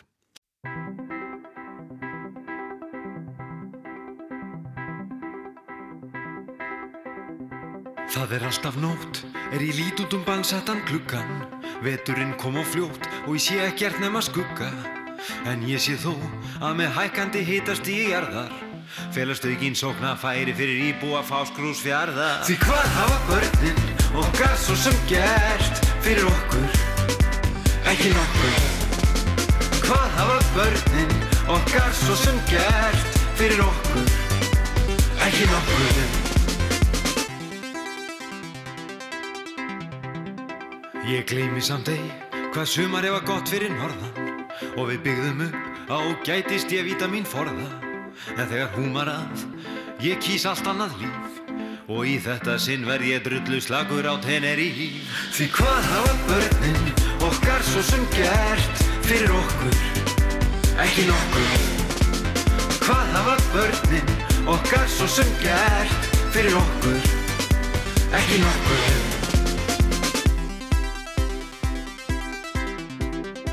Ég hef litla trú á sparsemi og endurvinnslu. Mér finnst skipta meira málað eiga almennilega geimslu Fyrir allt mitt út, sérstaklega þennan jeppa Sem að eyðir yngu nema þegar ég þarf að skreppa. Því hvað hafa börnin okkar svo sem gert fyrir okkur? Ekki nokkur. Því hvað hafa börnin okkar svo sem gert fyrir okkur?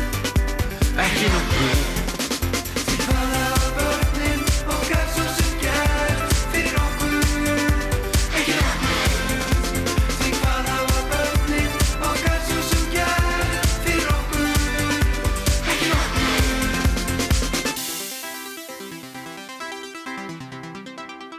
Í plastlausri veröld ég vil ekki lifa.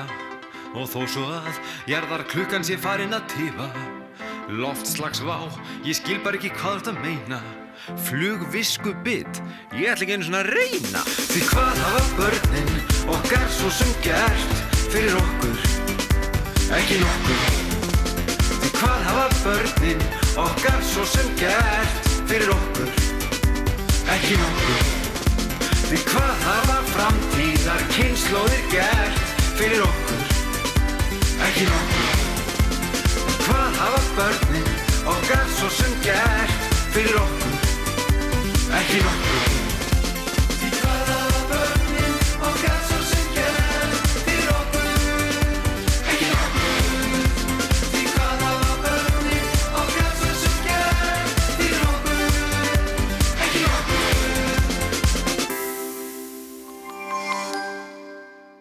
Morgunkaffið með Gísla Martini og Björgu Magnús á laugardöfum á Rás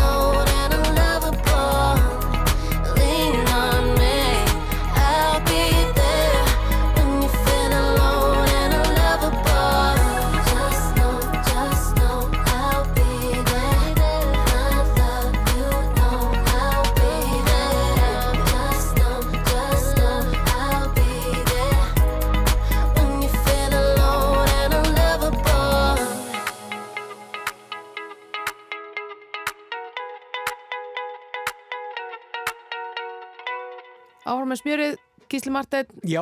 Þú situr hér. Þú ert með húu í dag. Já. Er það bad bara- hair day? Já, vondur hárdagur bara og, og þá er maður með potlock til þess að Ég sko, þú tókst þann aðeins á hann Ég skinjaði að það væri svona Þú hefðir átt betri hárdag. Já, það er, það er að segja, ég veit ekki nákvæmlega hvernig hóraðu mér væri ef ég tæki húfuna af en ég óttast það versta. Nei, þú varst eitthvað að laga náðan. Sáðu þið þetta? Geðan gestirnir Nei, það þau fór tóku algjörlega ekki- fram já, nei, já, já, herðu, nema hvað. Vorum að tala hérna um áramandarskaupið hérna og vorum að hlusta mynd á loka lagið með prinsinum og svona. Mm. hvernig virkar þetta hérna, lenduð í einhverju svona sjokki á síðustu stundu núna varandi atbyrði ársins? Mm, já, ég sá nú eitthvað fréttur um þú það veist, svo samherja málið og eitthvað svona þú veist, hvernig, hvernig Um, tæklar hópurinn þetta? Mér, það var ekkert eitthvað hræðilegt sko út af því að það bara tökudögunum var stilt frekar vel upp sko. Það var einhvern veginn gerst ráð fyrir því að eitthvað myndi gerast að þessum tíma bara til öryggis og en ég meina, jú, ég held að þetta hafi nú aðalega verið örugglega fyrir leikstjóran hann reyni sko, út af því að hann náttúrulega þarf að vera að undirbúa tökur og er nýbúin að vera í tökum og er að pæla í næstu tökum og þá er pyrrandi fyrir hann að vera að mæta einhvern fund til að búa til einhverja nýja sketsa. En þú veist, fyrir mig svo sem var þetta ekkert voru mikið stress en en auðvitað getur þetta verið svolítið erfitt sko, það er oft svona já, mér finnst þetta allt í lagi sko. Þetta, þetta var reyna sagði En er ekkit, er ekkit erfitt að hérna að ef eitthvað- ef þú ert með eitthvað rosa fyndi atrið og svo er það klift burt Já, Jú, ég menna að það var alveg eitthvað sem fór út sko. Það? en, en ég að það getur ekki allt fyrir inni. En ég, Mm. ég sko ég veit það ekki. Ég var ekkert mikið að stressa með því. Nei, bara ótrúlega en það eitthvað kom einhverja fréttir eitthvað Já, eitthvað hva, hva, eitthva stress í skaupshópnum eða eitthvað svona Ah, Já. sem ég er mjög gaman af sko. Já. ég myndi alltaf ef fjölmjölamæður ringdi mig á þessum tíma að segja að það væri mjög mikið svona neyðarfundur og Já, já. alltaf mála þannig sko. eftir væntingu Já, já. Það er alveg ótrúlega gaman að vera stattur á brennu eða eitthvað og hérna og svo bara, þú veist, eru fimm minútur í skaup og allir Mhm. hverfa Já. og maður útskýrir fyrir útlendingum eitthvað Já. já, nei, yes, we're going home to watch television now everyone in Iceland sko. Já. og það næri engin neinu sambandi við þetta Já, einmitt. sem ekki er hérðan Nei, það er bara, þann, það er bara þannig gísli. Já, Það er og bara svo náttúrulega er útiloka fyrir þau að horfa á þetta því að sko, veist, skilja ekki, ég hef verið mútlendinga og hér kannski Nei, að myndu gleymdu Það er eitthvað smá gaman að þessu þó Nei, að þau skildi ekki, nei, nei, nei, Þórdís hefur reynslu, hefur þú þýtt áramöndaskaup svona á staðanum fyrir Æ, ég hef ekki þetta, já So now, this guy was the CEO seriously. bara gefa, fólki bara. Eh. gefa fólki bara sterkan koktel og segja bara, þú veist, hlægið bara þú veist. Já, já, bara eitthvað, gerið eitthvað í 40 mínútur eða eitthvað Já. En hérna, Þórdís, þú nefndir að hann og verið að þýða Ertu frá hvaða tungumálum? eh, Ég úr þýði aðalega á sænsku Ég þýði svona Já. já, já, mest eil og sænsku Sænska- einhverjum öðrum málum en já, sænsku Já, já, já. og þar, þar bjóst þú um tíma og Já, þar kynntist ég Jakobi þar helst á honum í kjallarnum Já. Já. einmitt. Og þú ert náttúrulega því að múmin Já, múmin fólki ég er, sem, núna er ég að því að bók sem heitir Álagviðspjalli sem er hérna fáránlega góð sænsk bók sem Ok. okay. fekk Ágúst Völunin í fyrra sem að fjallar um annars vegar svona, þetta er svona alþýlegt fræðreit um ál, álin sem fiskinn og sem sagt Ah. endurminningabók mann sem skrifaði bókina rosa skemmtileg og fróðleg bók svo er ég einmitt að fara í sko múminálubók sem er ekki múminálubók það er hérna síðasta bókin e, í múminála seríunni sem er ekki komið út í íslensku sem heitir Sent í november og fjallar um sko verurnar í Múmindal en það er koma held ég í Múminhúsið og, og það er engin múminálar Ó. mjög skemmtileg. Og Tek byrju- hana svo núna í februar mars. Ok. Ok.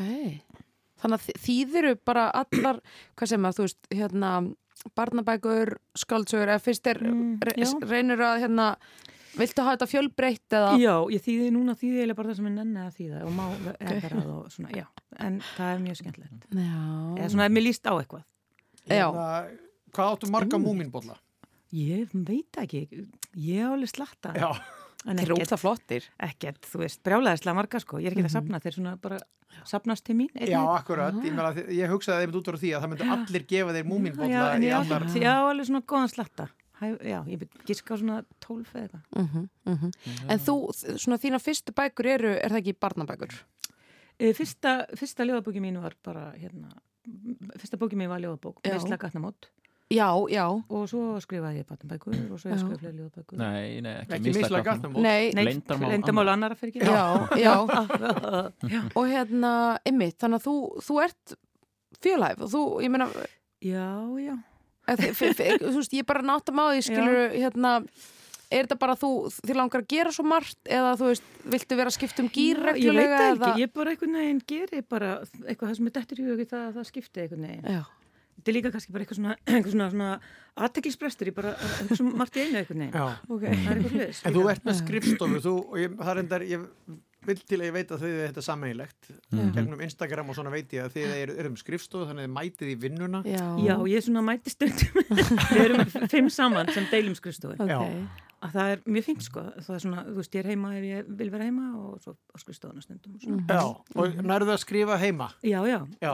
ger það oft en svo er líka voða gott að fara eitthvað og hitta fólk og líka bara labba eitthvað sem sé ekki Já. bara heima á, þú veist, hlýrabólnum Með náttbuxum. múmínbollan já, að já, þá þú veist gengið svona einn og hálfum kilometri í vinnuna og Já, sérst þar niður bara og tala og, fólk og svona, Já. það er ekki í. Norðumýri? Það er kortersgangur á Norðumýri og niður á Lækjatorg, ég er Vegas. 20 mínútur sko, ég er hérna á tungutu þannig að það er svona 20 Já. mínútur það er mjög gott sko ok, já. það er svona, já Hvað er, í- hvað er í vinslu? Hvað er á tekniborðinu? Það er náttúrulega alls konar, það eru tvö svona mjög leynilega verkefni. Nú? Já, ég bara má ekki segja það. Bara mjög leynileg Mjög verkefni. leynilega verkefni. Já. Og hérna, Ok. já, já, svo bara skrifa eitthvað, einhverjar skaldsögur og leikarit og barnabækur og... Já. bækur. Fékkstu listamannalaun núna? Já. Já, til hamingju. Mhm, takk. Hvað marga mánuði? Nýju mánuði. Nýju mánuði, það er meira en sex. Það er meira Það en er Veit ég. þetta þýða Já. núna þangar til þú færið. Já, fram í mars er og svo svo margt, setjast niður Ah. Þetta er Vel gert. eh, þetta er þetta kannski var minna umdelt núna í ár heldur en Já, kannski að því að handbólliðinu hrifist gekk vel á EM skilur ef að handbólliðið er ekki með á EM þá þurfum við að tala um listamannalaunin allan í janúar sko. en ef að handbólliðið Vá. svo Hefur kemur Eurovision þetta, hver umræðan rekur aðra En hefur þetta ekki verið að skána aðeins núna undanfærin svona 2-3 ár eitthvað umræðan með umræðan? listamannalaun Hún er- búin að sko, rífast um þetta er þetta er svo endur tekið efni eitthvað. kannski, Það er bara að copy-pasta Já, rifrildi frá ég því í fyrra. Sónu mín er mitt er forritari og hann er sérst að gera svona þjark sem að er svona, þú veist, virkir í aðtöðsendum að tala um listamannalögin. Þetta sé svo rosalega fyrirsjáanlegt að það bara Einmitt. sé ekkert mál að búið til svona. Já, ok, og er hann búin að gera? Það er Já, að tala með um daginn. Það er endar mjög fyndið. Það hann þarf að gera það sem Twitter Twitter-account, það sem er Já. þjarkur að tala um listamannalaun já. Það er alveg alltaf En var, fegst þú yfir því hólskeplu af Nei, neikvæðum kommentum? ekkert, sko, nei. Upplifið þið, rítundar, upplifið einhvern veginn þannig að það sé pressa á ykkur að, að skrifa einhverja snild fyrst að þið eru á launum hjá Já, þjóðinni ég upplifaði alveg þannig. Þetta er Já. náttúrulega að maður sækir um í eitthvað verkefni Mhm. og, og, og þú veist, já, hvað maður fann alltaf ekki, kannski alla peningana sem maður sótt um eitthvað en hérna, maður leggur þetta einhvern veginn upp og þá veist já, ég ætla að gera þetta og þetta og ég, ég svo þarf maður alltaf að skila framvindarskíslu maður getur ekki eins og sótt um aftur fyrir maður er búin að skila ger, gerðiru, já. Já, er það þú ert að skila já? framvindarskíslu, hvað gerðiru á síðustu listamannleginum, áður um getur sótt um næstu? Þannig að maður þarf einhvern veginn að telja það upp og, Þannig að nefndin veit um þessi háleinilegu verkefni sem að Já, já. í raun og veru, sko. Svo veit ég ekki, þú veist, ég er kannski, kannski ekkit, sko, þú veist, það er ekki tekin af með peningur en ég myndi ákveða að skrifa barnabóku í staðin fyrir eitthvað annað. Einmitt. og stundum ætla maður að skrifa það hérna. væri skáltsaga um mannesku sem væri í dómnefnd fyrir listamannalaun og myndi stela Jú, ég held að það væri alveg hugmynd, sko. Stela. Jú. bestu hugmyndunum, það, það er alveg sumir hundar sem vilja helst ekki, sko. Ég hef alveg sendt með, þú veist, hérna er ég með, þú veist, uppáðað einhver bók eða hérna er Já. með að hálfri ljóðabók, mér langar að klára hana og ég tek svona eitthvað, þú veist. Það væri náttúrulega hægt, sumir, sumir eru alveg á móti þessu sko. Mm. Já, meinar, það væri auðvelt að stela sig Sko, þegar það er búið að reka mann úr einhverju jobbi þá Já. er hægt að gera eitthvað svona. Já. Þú veist, ef þú það væri kannski búið að reka þú dónmyndinni þá getur einmitt bara stólið öllu og gefið það út. Þá sko- er hvort þið er búið að reka hamna bestu hugmyndinni til þess að rittöfundurinn gæti ekki skrifa Vá, hana. nei gísli, vá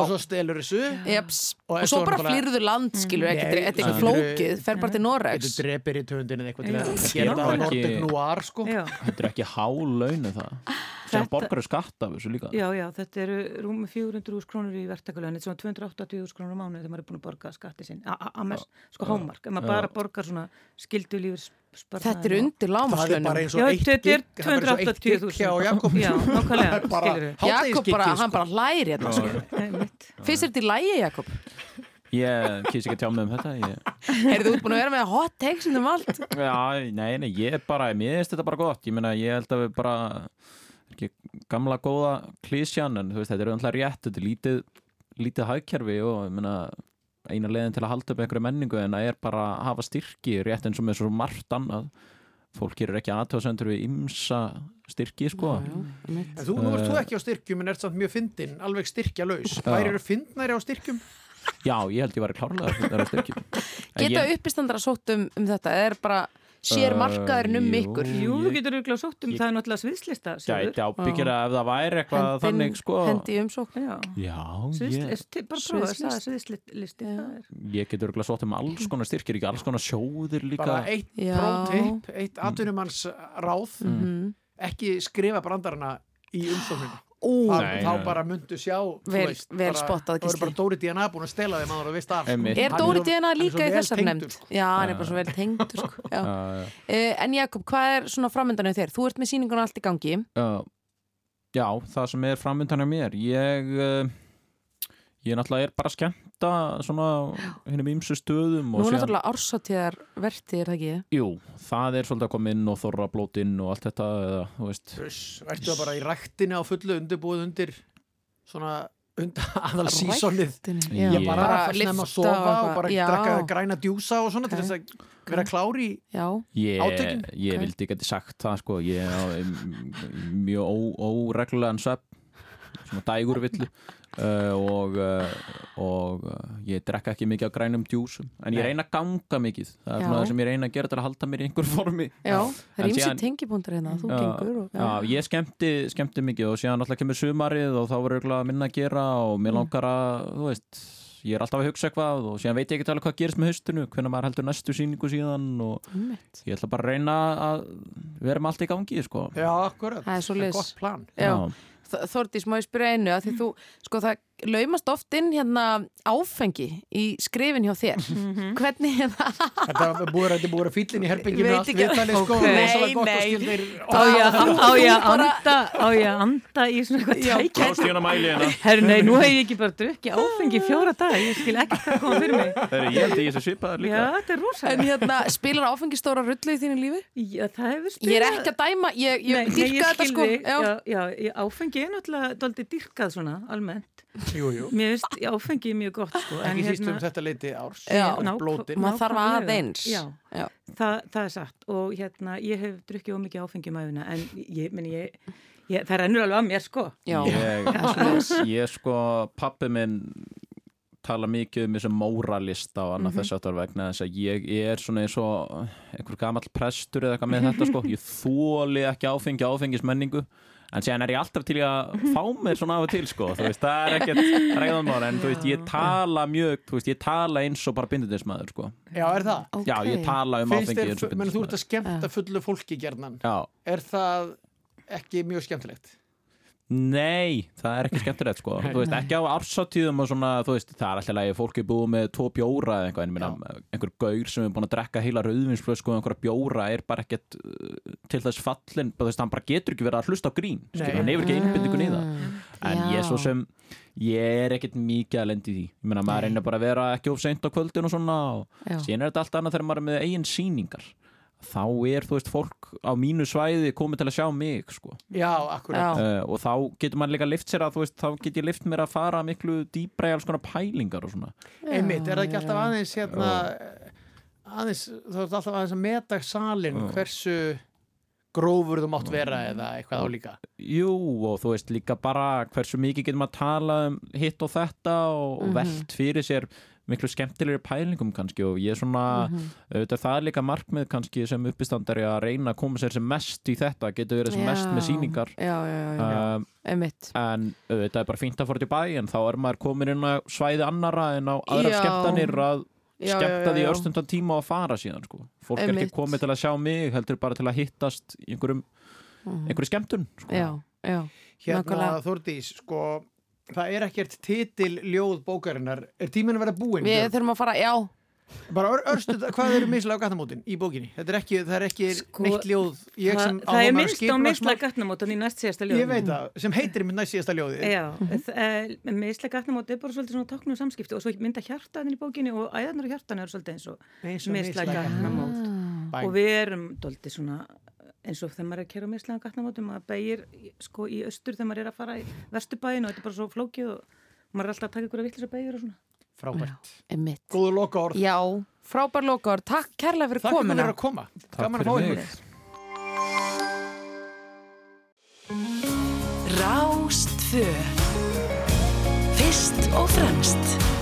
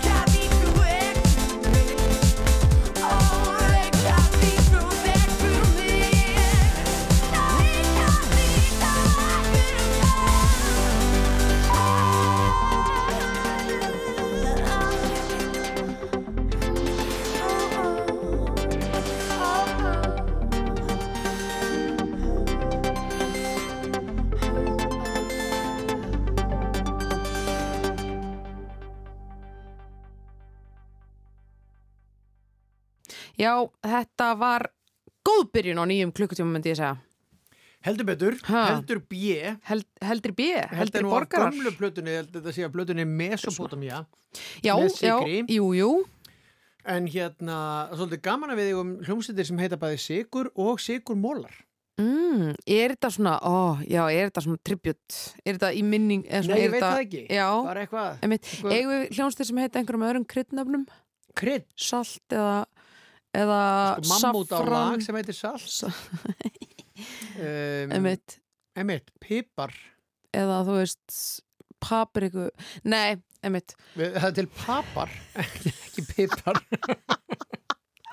Ok, næsti bær. Já. nei, þetta er geggja band. Og mástu þau komið til okkar í viðtala á þegar við vorum með útsendingu í kringum Airwaves? Rétt, ótrúlega skemmtileg. Hmm. rétt. Eldjárn og, og Agnes uh, Stefán. Já, Stefán, já, nákvæmlega. Herðu, áfram, áfram með fjörið áfram með smjörið. Á, á, hérna, við vorum að senda þetta góða fólk hérna út. Það hefði nú hægt að spjalla við þið miklu lengur en svona vinnur tíminn. Og okkur að óvörum þá hefur um, Þórdís þekkt Jakob frá fæðingu og held á honum undir skýr í. Svíþjóð.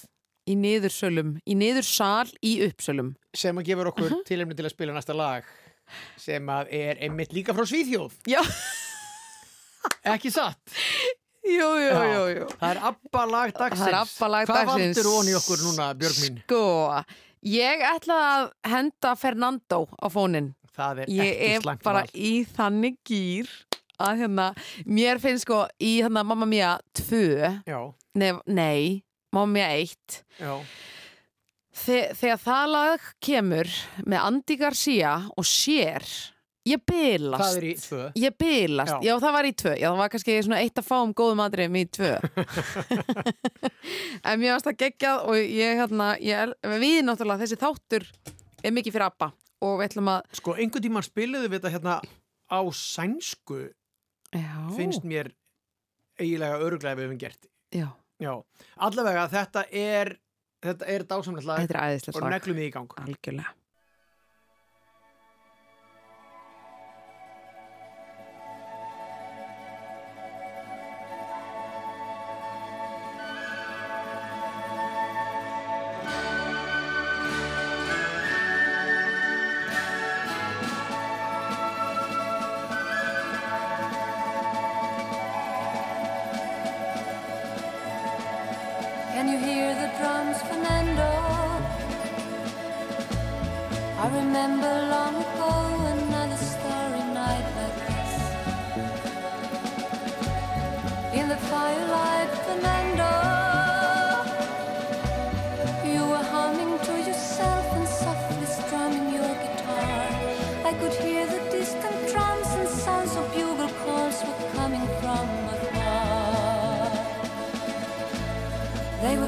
Fernando. Every hour, every minute seemed to last eternally. I was so afraid, Fernando.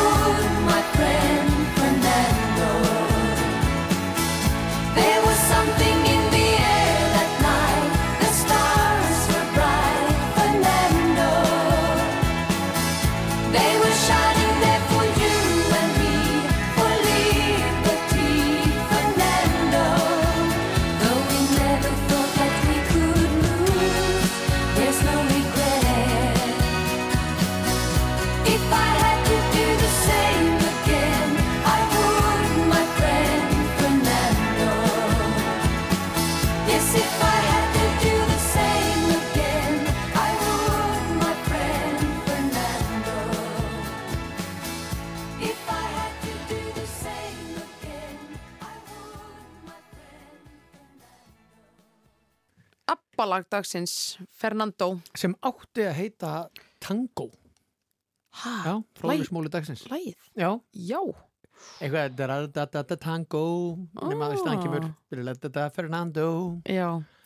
Og lag, sko. bara síðustu bara loka, loka sprettinu var sem breytti Fernando. Já. Einhver bílstjóri sem að kerði þau sem að laða þetta til í alvöru hérna Þetta er svo gaman og þarna sjáum við nú glöggir eh, tengja hér þemu saman. Það er þessi Eurovision andi sem við erum aðeins að láta svífa hér yfir. Já, það þarf að poppa í kvöld og, og horfa á, á bjöluna sína í, í sjónvarpinu. Það er 1945. 1945. Það er Þá verða sem sagt íslensku söngakeppnislaugin kynnt í sjónvarpinu. Já, þá, þá sviftum við hulunni eða leikust hjöldunum af þessu Já. ágæta fólki, listafólki sem ætlar að hérna, taka þátt í söngakefni ár og voru valin úr sko, það voru tæplega 200 lög sem voru send inn þannig að þetta er engi smá hópur sem búið er að velja saman og hefur verið sko, stífum æfingum núna upp á síðkastið. Og þeir sem að hafa áhuga á þessu sem við gerum okkur grein fyrir eru ekki allir Nei, en það er landsmenn. samt alveg 91%. Já, eh, en þá er náttúrulega þetta er í gangi núna víðsvegar um Evrópu. Það eru þessar forkeppnir að fara af stað. Mhm. Melodífestivalin í Svíþjóð byrjar núna 1. februar Mhm. og, og forkeppnir eru byrjaðar sem staðir eins og í Mhm. Nóri. Mhm. Þannig að fyrir þessa sem, sagt, þessa sem eru hvað hvað dýfstir í þessum hérna, þessu áhugamáli Mhm. þá er þetta mikil jólaháttíð sem heldur núna áfram Já, mér finnst sko frábært að fá þetta inn í janúar, þú veist, þetta er, þetta er þunglindislif. Þetta Já. er bara, þetta er geðlif íslensku þjóðurnar í gegnum ára tugina, sko. meðan við erum að þreja þorran þá, þá er hægt að létta sér lundina með þessu að, já, þjóðin skiptist örgulega cirka svona 50-50 handbólti Eurovision. Veist, margir sækja sér huggun í, í stórmótið sem er í gangi núna, skilur og bara ógeðslega gaman auðvitað að fylgjast með þessu og hinn helmingurinn er, er á þessum Eurovision-vagni. Herðu, En, en, en já, við ætlum, við ætlum hins vegar, já, einmitt, við ætlum að taka bara glæ nýtt lag. Það er nú, sko, ég menna það er ekki langt liðið á, á 2020, 2020. Já, nei, nei, rétt. Em, en þó eru, eru listamenn þjóðarinnar byrjaðar að senda frá sér. Já, glæ nýtt. Og hérna og þeir félagar Jópi og Króli um, sem að þjóðinu þetta elskar þá dásamlegu drengi gáði lag sem heitir Geimvera Mhm. og, uh, og ég man eftir því þegar að var endalust verið að taka mynd af einhverjum fljúandi förðurlutum oh. það voru alltaf rosalega lélegar myndir og Já, svona skilur svo bara núna þegar allir eru konum með góða myndavelar bara í Ah. vasanum uh það voru aldrei neina myndir af. Nei, þetta er búið fljúandi diskar hafi ekki sést síðan mannkynnið myndavila vættist Og hver er niðurstaða niðurstaðan er að ekkert af þessu voru fljúandi diskar náttúrulega. En ég hef alltaf sagt það að ég vona að því að það er, sko, í mínum huga er 100% að það er líf á einhverjum öðrum hnöttum. Ég er svo sammála, sko. Já, þannig að ég býð alltaf eftir þeirri stórfrétt þegar bara, ok, við erum komin í samband við, við bara fólk hérna sem að þú veist, býr í einhver öðru sólkerfi einhver annar er vetrabraut en þau eru á plánutu bara eins og okkar. Og þau vilja koma í heimsók það verður svo rosalegt sko. Það verður rosalegu dagur. Já. Ætli við lifum hann? Ég vona það. Já, ég vona, ég vona, ég vona að þetta gerist fyrir heimsenda. En við þurfum sko að þetta er svo langt í burtu og þurfum einhvern veginn að komast í gegnum eitthvað svartól eða eitthvað til þess að komast á Já, ormagöngin og eitthvað. Já, já, já, einmitt. Herðu, en fáum, fáum geimveru. Daginn, sem við, daginn sem við hittum þetta fólk mér finnst Ok. þetta Hittum þetta þetta er ekki fólk? alveg nógu gott orðsamt fyrir, fyrir bara venlut fólk kannski sem býr á einhverju plánetu? Nei, nei, en ég meina við, við erum, ég meina geimvera er ekki bara vera sem býr í geimi og það erum við öll, skilur Gagvart þeim eru við geimverur Já, ég meina við, við erum það bara öll og bæði og eitthvað. Já, ekki. og króli Tjúfussi sáfbeldi, gerfi brós og glópagull Upplifi stjórnleysi, ætli að það setja guð. Er ég ansettin, ég er að reyna að tappa át Missi mig 36 tíma blackout.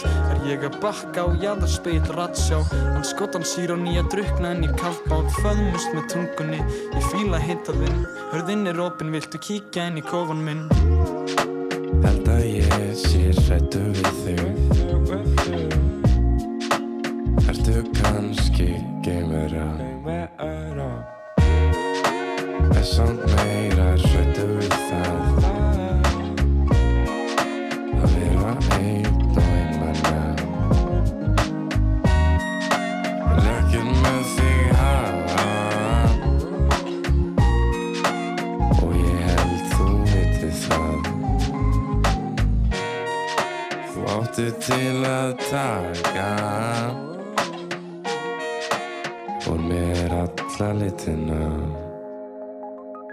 Reyndan það virðist ekki hafa virkað. Talaðu hæra sambandi það virðist vera slitna. Sorry að ég hringdi ekki gær eða í fyrra eða árið það áður ég kunni bara ekki við það. Skapi mitt það fer bara eftir ástíðum Mér vantar líf, overdose og blásýru. Lélegar heimspöki pælingar á bakinu og ég tvíbreiðu rúmi á köldu hlið á kottanum Sex strengir en ég kann bara tvo. Ég spila út sömu hendi og ég hata það svo. Ég mála út og píu hausnum sem að líður um lok. Líka ég horfi síðan setna á þetta og krót Skilum skömminni heim. Ég hata gleyma sopna Leggjast að loka augunum Ætti að gera það oftar. Það hattar undan fæti. Við sjáumst kannski setna Adiós, breytum bálinu aftur í nista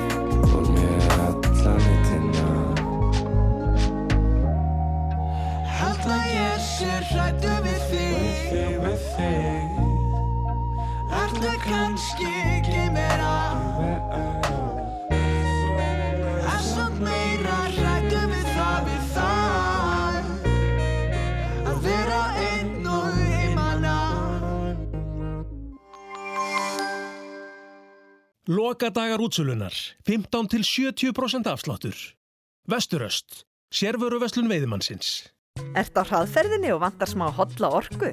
Ísei skýrskvísunar eru hotlar, góðar og handtagar og henda vel á ferðinni. Komdu við í krambúðinni og gríftu skvísu á 169 krónur.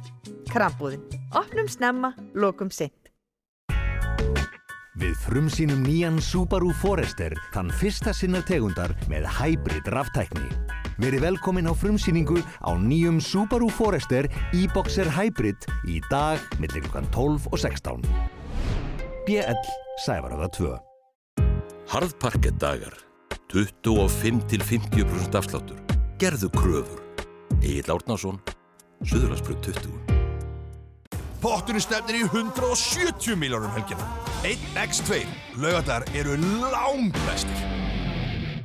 Þorra laðborð á þjóðlegum stað á þess fjölbreyttum matseðli með syngjandi vikingum og til viking fjörukráin.is Rafbíladagur Kia verður haldinn hátíðlegur í dag í Kia húsinu á Krókálsi og hjá K. Steinarsson í Reykjanesbæ. Komdu í heimsókn og gerðu 2020 að rafmögnuðu ári með Kia. Kia Krókálsi. Reykjavíkurleikarnir verða settir í 13. skipti í janúar. Yfir 1000 erlendir keppendur frá 30 löndum mæta og etja kappið við margt of okkar sterkasta íþrótafólki. Reykjavíkurleikarnir 2020 á RÚF. Morgunkaffið með Gísla Martini og Björgu Magnús á laugardögum á Rástvö. Áfram heldur morgunkaffið hér á Rás 2. Við erum búin að drekka svona, hvað, ég kom með svona rúmlega tvo kaffibólla.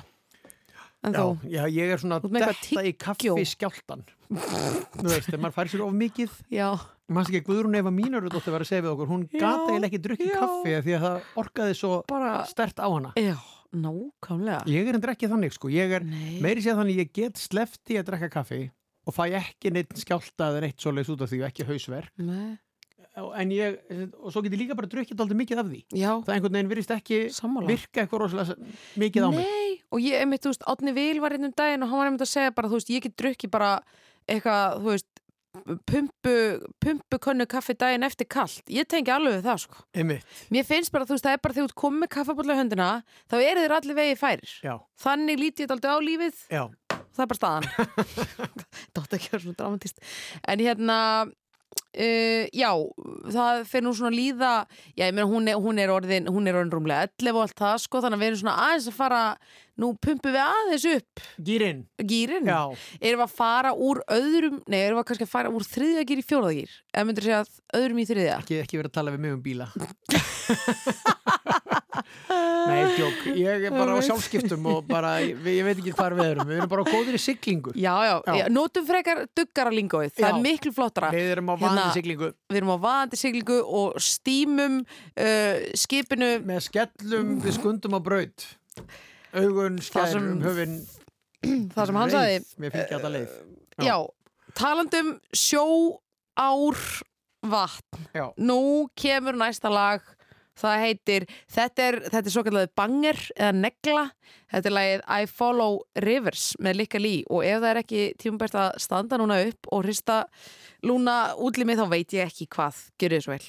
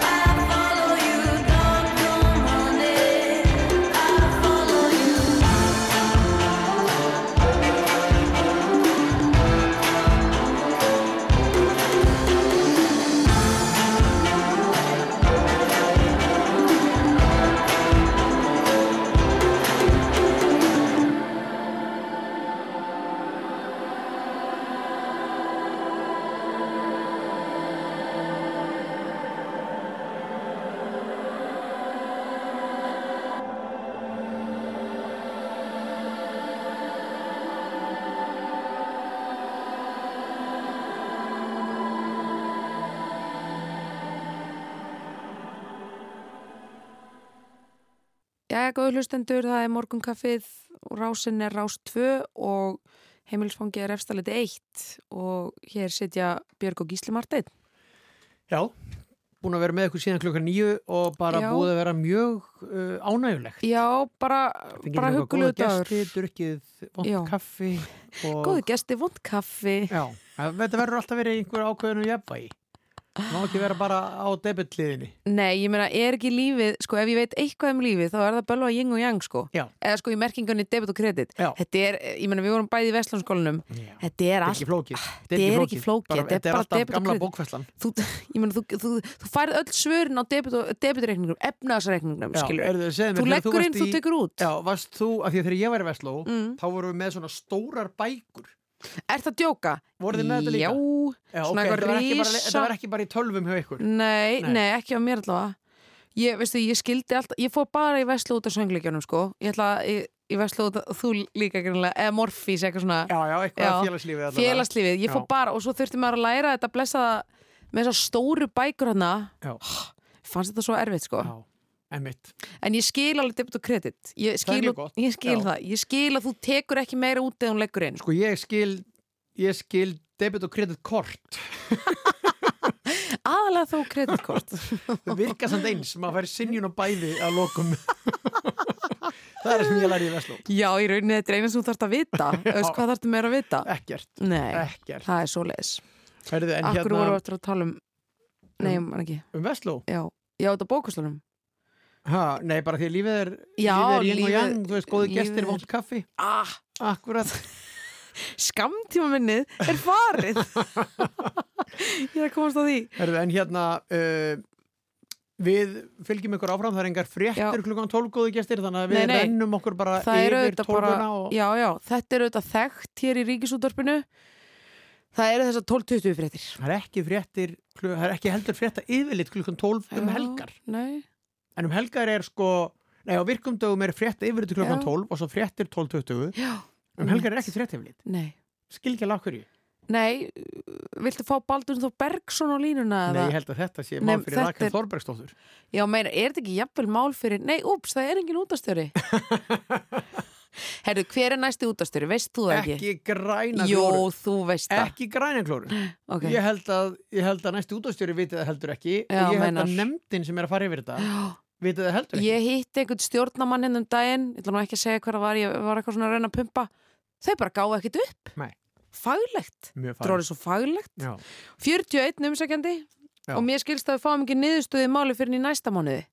Já. 41 umsækjandi Já. Og mér skilst að við fáum ekki niðurstöði í máli fyrir í næsta mánuði Já, Það er að segja februar Það er. Það er bara staðan Já. En við erum búin að, hérna, já, já, þetta er þessi söngakefnis dagur, við fáum að vita í kvöld hver tekur þátt í söngakefni en við fáum líka að sjá sko annað í sjónarfinni kvöld og það tengist þér gísli minn. Já. Það er ekki hægt að segja annað. Já, aðeins við ætlum að tala endilega of mikið Nei, um nei. sjónvarsdaskaruna þá Nei, erum við nei. aðeins að segja fólki að uh, vera bara heima í kvöld og horfa á Imbakassan Já Sko, fyrst er hann að Eurovision þátturinn hann Bjargar og svo er Og Gíslaberg Og Gíslaberg Svo er nefnilega er bíóást, þar að segja að það er verið að sína kveikmyndina Ævintýri Tinna Já. sem að er stór góð kveikmynd Já, og ég er hérna að fengi til þess að fylgja úr hlaði. Ég er svona eitthvað að segja nokkur orðum um þetta því að þetta er náttúrulega bara teiknimynd en hún er leikin teiknimynd. Og þeir sem Mhm. hafa ekki síðan ættu að sjá hana því að þetta er stórskemmtileg mynd. Já, frábært. Já, þannig að Ég- ég, ég bara hérna- minni á þetta. Ég var einmitt heima síðasta lögataskvöld Það er nú stór tíðindi sko Já, er það? Nei, ég er Var- að stríða þér Nei, nei, Var, nei Varstu veðuteft eða? Já, ég var viðuteft. Hérna, eh, nei, ég var bara, ég, það skipti ekki máli. Nei. Ég var bara heima og e, var að horfa á sjónarbyð og, og var nefnilega búin að ákveða að horfa á Lion King.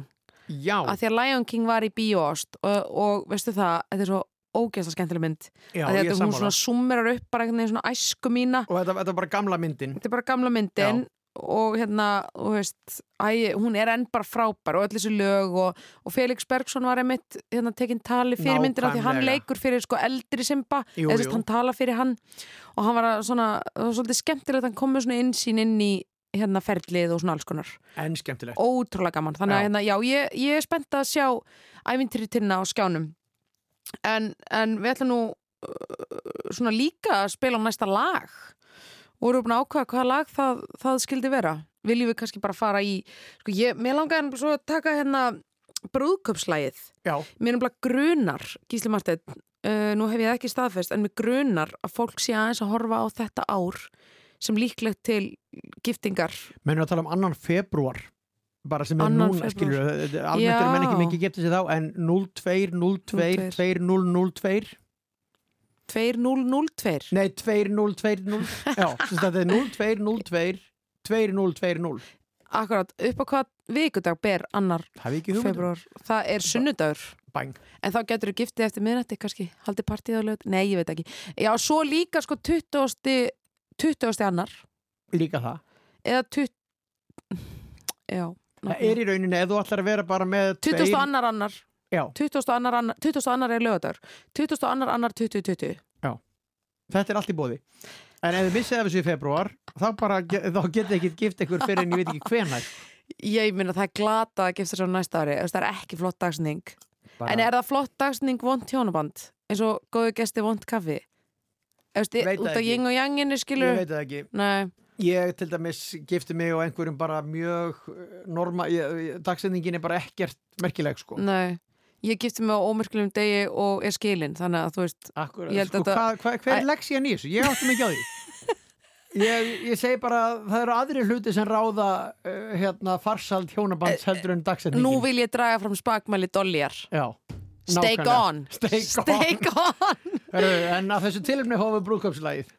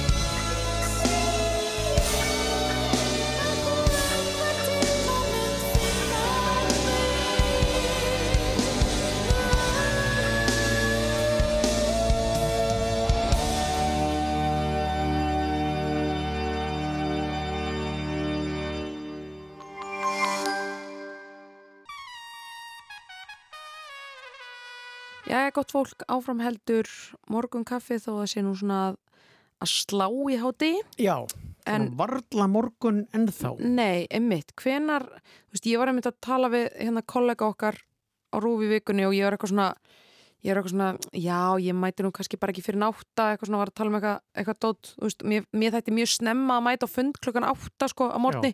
Þá segir hérna Jónatan Garðarsson bara, það er ekki lengur morgun hann er náttúrulega vaknaður, sko, ég veit ekki hvernig maðurinn vaknar, hann vaknar Já. svona hálf fimm eða eitthvað fannst bara átta seint, Já. mér finnst átta sko ógeðsla snemt Ég þekki mann sem að segir alltaf, ef maður segir fundur klokkan átta, segir hann, hvað, lítið út eins og bakari. Hún finnst að vera svo snemt. Það er rosa snemt að bóða fund klukkan átta. Það er svolítið snemt, já.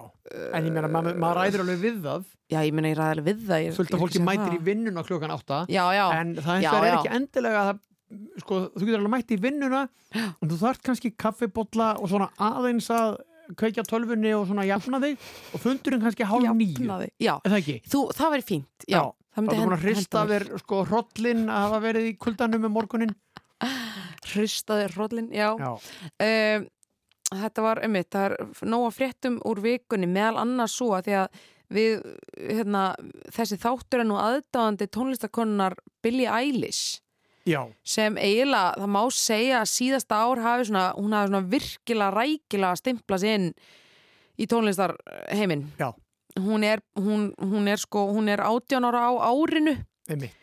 þannig að hún, á þessu ári sko þannig að þú veist, hún, hún, hún er bara einhvern veginn hún er einhvers konar undur í fréttinu, í vikunum bárst þar fréttir að hún myndi semja titillag nýjustu bondmyndarnar No Time to Die Og fetar þær í fótspor margra góðra, margra góðra tónlistamanna. Já, er þetta ekki svona þú veist, þú vilt hafa þetta fyrirskræni er Þetta er ekki? svona ágætlega, þetta er skemmtilegur stimpill. Já, en það voru nú einhverjar að tala um sko því það er búið bara að vesen á þessari síðustu bondmynd það er svona eitthvað vesen með handritið Já, og, og hérna Daniel Craig, þú veist, fekk hérna Phoebe Waller-Bridge til að hérna, taka einhverja yfirferð á handrituna því að hann var ekki nóg sáttur við það fannst vanta eitthvað svona ferskari tón í það eða þú veist, maður skynja að þetta væri allt svona einhvern veginn spurningin sko hvernig á James Bond að komast inn í nútíman af því að hann Já. er auðvitað bara í grunninn bara drikkfæld kallar hann bara svolítið, Já, þú veist, svona einhvern veginn. Já, þannig að einhvern veginn hvernig á að láta nýja kynnslóð dyrkan skilur Já, góðu punkt þannig að hérna, mér finnst svona allt einhvern veginn Getur, getur hann verið feministi? Já, það er spurning sko, ég meina það hefur náttúrulega líka komið til tals emitt hérna, er næsti bond, þú veist, er það kvennmaður og allt þetta skilur En ég meina meðan það er Daniel Craig já, þá þarf hann eitthvað sko já, ég veit ekki alveg. Nei, ég áttum ekki alveg á því hvernig hverjar svona pólitíska skoðanir James Bonds eru. Maður myndi svona setja hann rækilega í íhaldsflokkin svona þú veist, breskur, Já. skilur hann maður sér hann ekki fyrir sér sem mikið aðdánda Jeremy Corbyn nei, í verkamannaflokknum? Er hann ekki sinn eigin sitt eigið sólkerfi? Jú, er hann ekki bara svona eins, einsmálsflokkur bara bjarga heiminum punktur. Já, jú, ok, kannski. En ég menn, hefur hann ágjur á lofslagsmálunum eða telur hann að það séu bara falsfréttir? Vá, þetta er eiginlega frábær spurning. Mhm. Hvernig er James Bond, hvernig myndi hann bregðast við nútíma Mhm. málum, sko? Hvernig myndi hann bregðast við Me Too? Já, og, og er hægt að með það sem Daniel Craig er væntalega að hugsa um er það hvort að þú veist, ef að hann er einhvern veginn algjörlega ónæmur fyrir öllum þessum breytingum í heiminum Já. þá eru myndirnar ekki alveg í tengslum Nei, þá er kannski ymmit, þá er þetta bara svona eins og eitthvað svona, þú veist, tímavél, Já. skilur, og ég meina, já, af því að mjög margt annað í myndunum eins og þú veist, Mm. tækni og hérna, Akkurat, bílar og vopn og akkurat. svona eru alltaf mjög svona í nútímanum já, já, akkurat.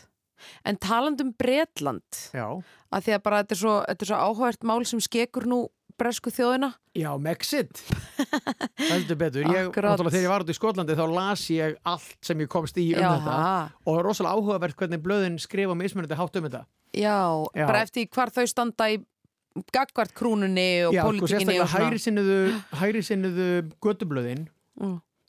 eru bara láta Harry og Meghan fá það óþvegið eða það er að segja undir rós samt sko halda greinilega ekki með þeim halda með einhvern veginn fjölskyldinu og vilja bara að þessi Mm. fjölskylda standi og sitji eins og blöðin vilja að þau geri Akkurát, já. og gaggrína mjög harkalega bara alveg svo Díana var tekin í gegn þegar hún vildi stíga út úr þessu Einmitt. og núna vilja þessir krakkar stíga út úr þessu Já.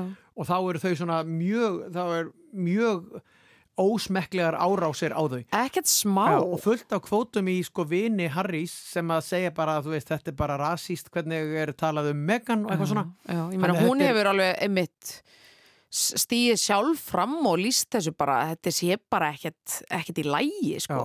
Á meðan að ímsir sko til dæmis svona pislahöfundar og einhverjir sem að skrifa svona leiðara á, á blöðuna sem eru svona frekar þá til vinstri Já. taka frekar upp hanskan fyrir þau unga Já. parið sem sagt Já. og segja bara, heyrðu, þessi konusfjölskylda verður að komast í takt við nútíman og þetta skref sem þau vilja taka er bara algjörlega Mhm. Já. hluti af því og konusfjölskyldan verður bara að laga sig að því og verður að stíga takt við breytta tíma Já, já. og þannig að þetta er svona Fleiri það en James er- Bond sem þurfa að komast í það er pólitísk undiralda þarna sko. Já, ég verður 100% Já. En mér finnst þetta 100 svolítið P.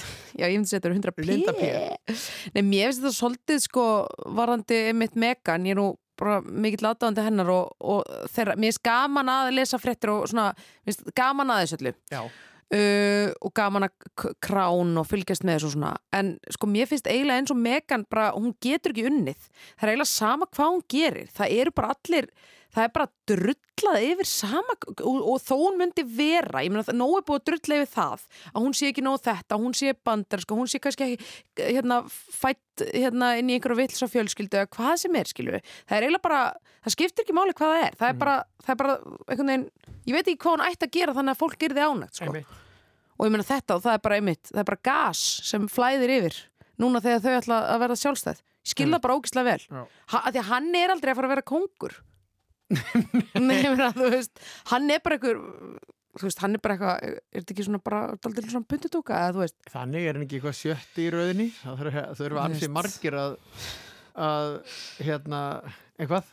Hætta við eða mun Karl taka við eða fer þetta beint til Vilhjáms þú spyr mig eins og ég sé einhver sérfræðing Ég í ég um held að Karl taki við því annars þarf Karl að sko segja af sér og ég held að hann vilji það ekki.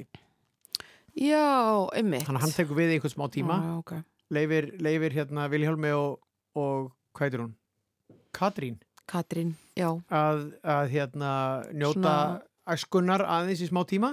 Já, jú, rétt. Kamila fær hérna smá kórónu og, og uppreist æru og svo kemur og svo kemur, koma Vilhjálmur og þau og, og, og verða síðustu kongar og drottningar í Brellandi Bang Þið heyrðu það fyrst hér? Ég, ég meina þetta er eitthvað rugg Já, en, en þá nú gerði sko mikil úttekti fyrra og þetta skilar meiru í kassan í gegnum ferðamenn og allt þetta heldur en það hérna Mér finnst breytar þetta vera þurfa að bara eyða í einhvers þetta. konar trúmannsjó Já, já, ég veit vera með það. þetta fólk bara eitthvað í beitnu útsendingu þú veist, En eins mér og finnst bara séu bara marg- eitthvað í dýragarði Já. og við eitthvað öll að skemmt okkur yfir þessu og tala um þetta hér í Ég útarpinu held á að sé sko Íslandi hræðilegt að vera í þessum spórum sko. Ég held að Já. sé bara hræðilegt sko. En ef við spila lagi Royals með Lordi Hvernig er það? erum búin að tala svona mikið Já, um um krúnuna. Algjörlega. I've never seen a diamond in the flesh. I cut my teeth on wedding rings in the movies, and I'm not proud of my address. In a torn up town, no postcode envy. But every song's like gold teeth, gray goose dripping in the bathroom, bloodstains, ball gowns, trash in the hotel room. We don't care. We're driving Cadillacs in our dreams. But everybody's like crystal, Maybach, diamonds on your timepiece, jet planes, islands, tigers on a gold leash. We don't care. We aren't caught up in your love affair, and we'll never be royals. It's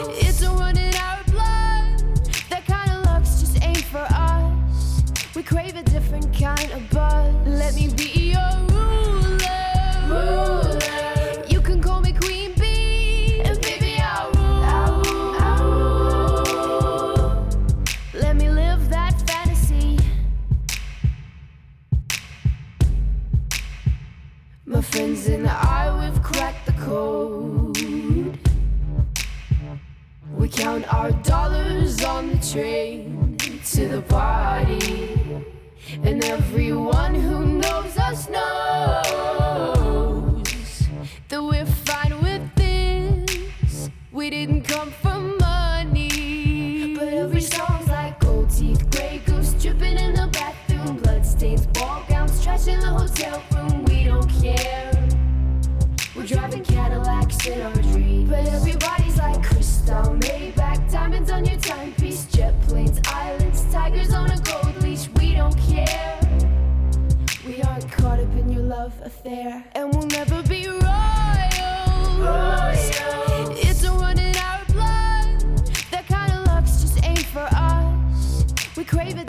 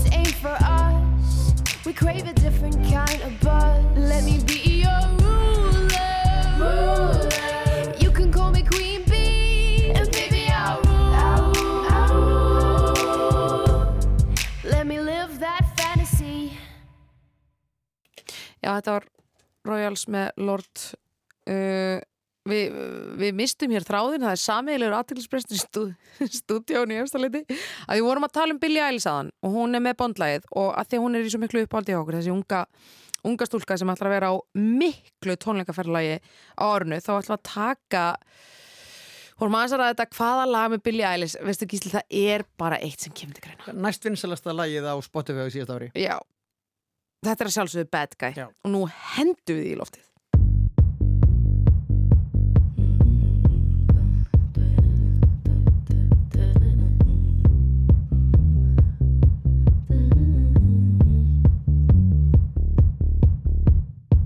shirt, now red, my bloody nose sleeping. You're on your tippy toes, creeping around like no one knows. Think you're so criminal. and no bruises.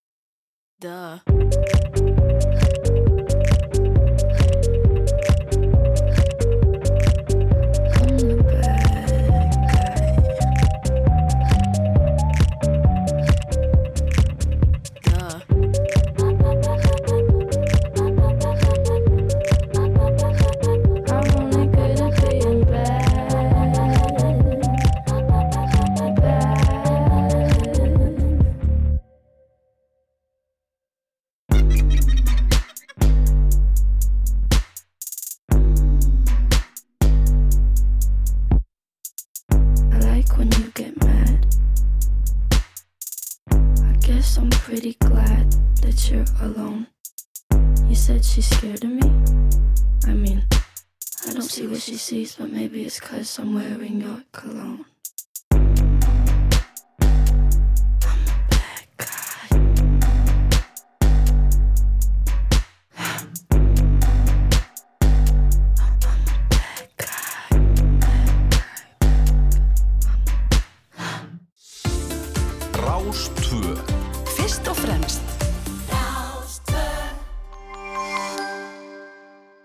Morgunkaffið með Gísla Martini og Björgu Magnús á laugardöfum á Rás 2. Já, gott fólk, það er áfram gakk hér. Já. Morgun það er það. kefið. Já. Ha? Já. Uh, það er nú ekki mikið eftir en við ætlum að leggja ykkur fram við að spila góða tónlist. Vandaða tónlist. Vandaða tónlist. Af því að ég var nú að koma frá Já, nákvæmlega. Edinborg, Mhm. þar sem að, ég var ekki búin að segja þér það, ég er sem sagt á leiðin heim, Mm. þá, þá tók ég á loft frá Edinborg, Mm. flög heim þess að tvo tíma, Mm. ringsólaði yfir Suðunesjum, þangað til flugstjórin ákvað að það væri ekki hægt að lenda út af veðri. Hættu. Það var þarna daginn þar sem að var allt uh, fólk var sofandi á gólfinu í flugstöðinni. Og hann sagði við erum eitthvað að pæli hvort við erum að lenda á eigilstöðum og eitthvað og svo kom hann aftur og sagði nei, heyrðu, og það er búið að bóka hótel fyrir ykkur öll bara á flugvöldinum. Þannig við lendum bara þar, löppuðum út á hótel, Já. vorum þar einan nótt og flugum svo tilbaka morgun eftir. Trúir ekki. Sönsaga. Sönsaga. Hversu mikið CO2 Akkurat. Ég meina þetta... Þetta er glata. Æ, þetta er líka bara einhvern veginn að vera fyrir ofan Ísland og, Já. og geta samt ekki einhvern veginn lend. Já, hvernig var stemningin í vélni? Hún var allt í lægi, sko. Var engin brjálæður? Var engin flugdólgur? Engin flugdólgur. Uh, nei, nei, og bara allir, allir bara voru rólegir þannig lagað. Já, já, ok. Það er ekki svo þægilegt að hann var alveg búin að reyna aðflug og svo bara hætti hann við. úff. En á þessu tilefni Nákvæmlega. uh, Ég veit ekki hvort að þetta var ástfangin flugvél en nýtönsk syngur um ástfangnar leiðis. Hendum því lagi í gang, gerir svo vel.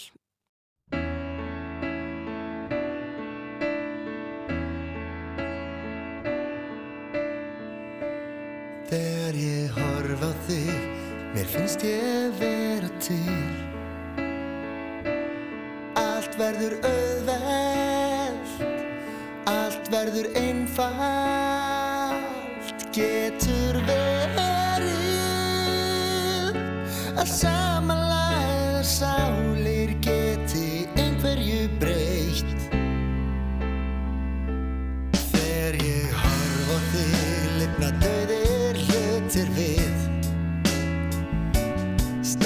Steinarnir ilma Gráta og hlæja. Getur verið að samanlæða sálir geti einhverju breytt. Allt verði yfir stíð að náttúrun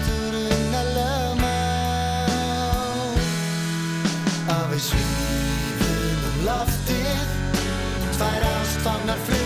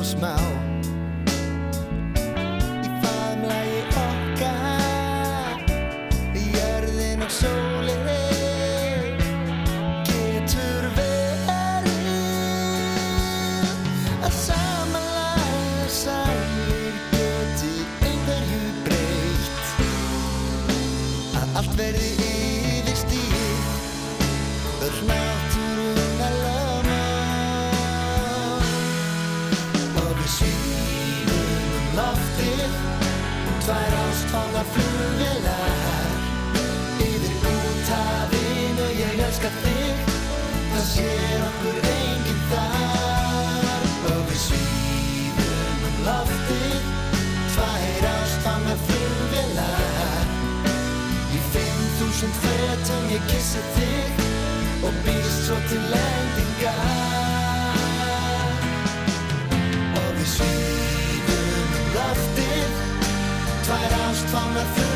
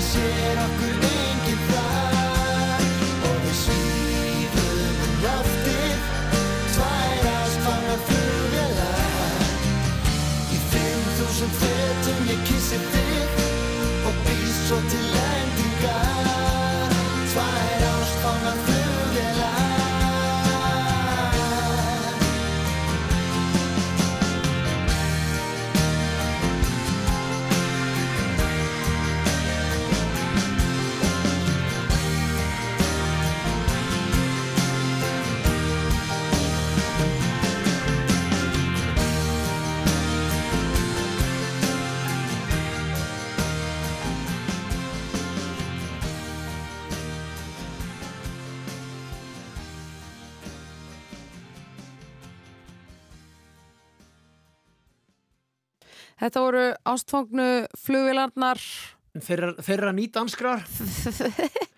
Pínu eitthvað erfitt að fallbeit allt. Já, já, já, já. Veistu okkur þetta komið nýdansk? Nei. Þetta er sko í gamla daga þeir eru svona aðeins eldri en ég þessir ný, nýdönsk menn ný, nýdanskra menninir það er vegna þess að þá var alltaf verið að auðlýsa nýdönsk blöð Ah, Mhm. já, þá var það stóð, stóð á svona aðalesefnið. auðlýsingaskiltum fyrir utan bó- bókabúðunar nýdönsk blöð. Og í tveimur orðum. Já, örglega í tveimur orðum. Oh. Skemmtilegt, æ, veistu ekki slík, hvar væri ég án þín? Ég meina það. Stundum er gott að hafa vera, vera forn. Já, vera með E- Ellin, ellin er stundum góð. Að vera með miðaldra kallmann með sér. Já. Þá eru manni allir vegir færir. Eða þannig Herðu, en uh, það komið að lokum hjá okkur. Já, já, já, já. Fínasti dagur, góður, góður hérna, gott fólk sem við fengum vond kaffi Það er nú ekkert nýtt. Nei. Grín, En við erum að vonum að grínast. þið góðu landsmenn hafi fengið gott kaffi í Algjörlega, dag. Hafi held upp á einhvern ljúvan ljúvan bolla í, í ykkar heimakinnum Já. húsakinnum. Já, og að bara þið eigi góða helgi eftir erfiða viku. Já.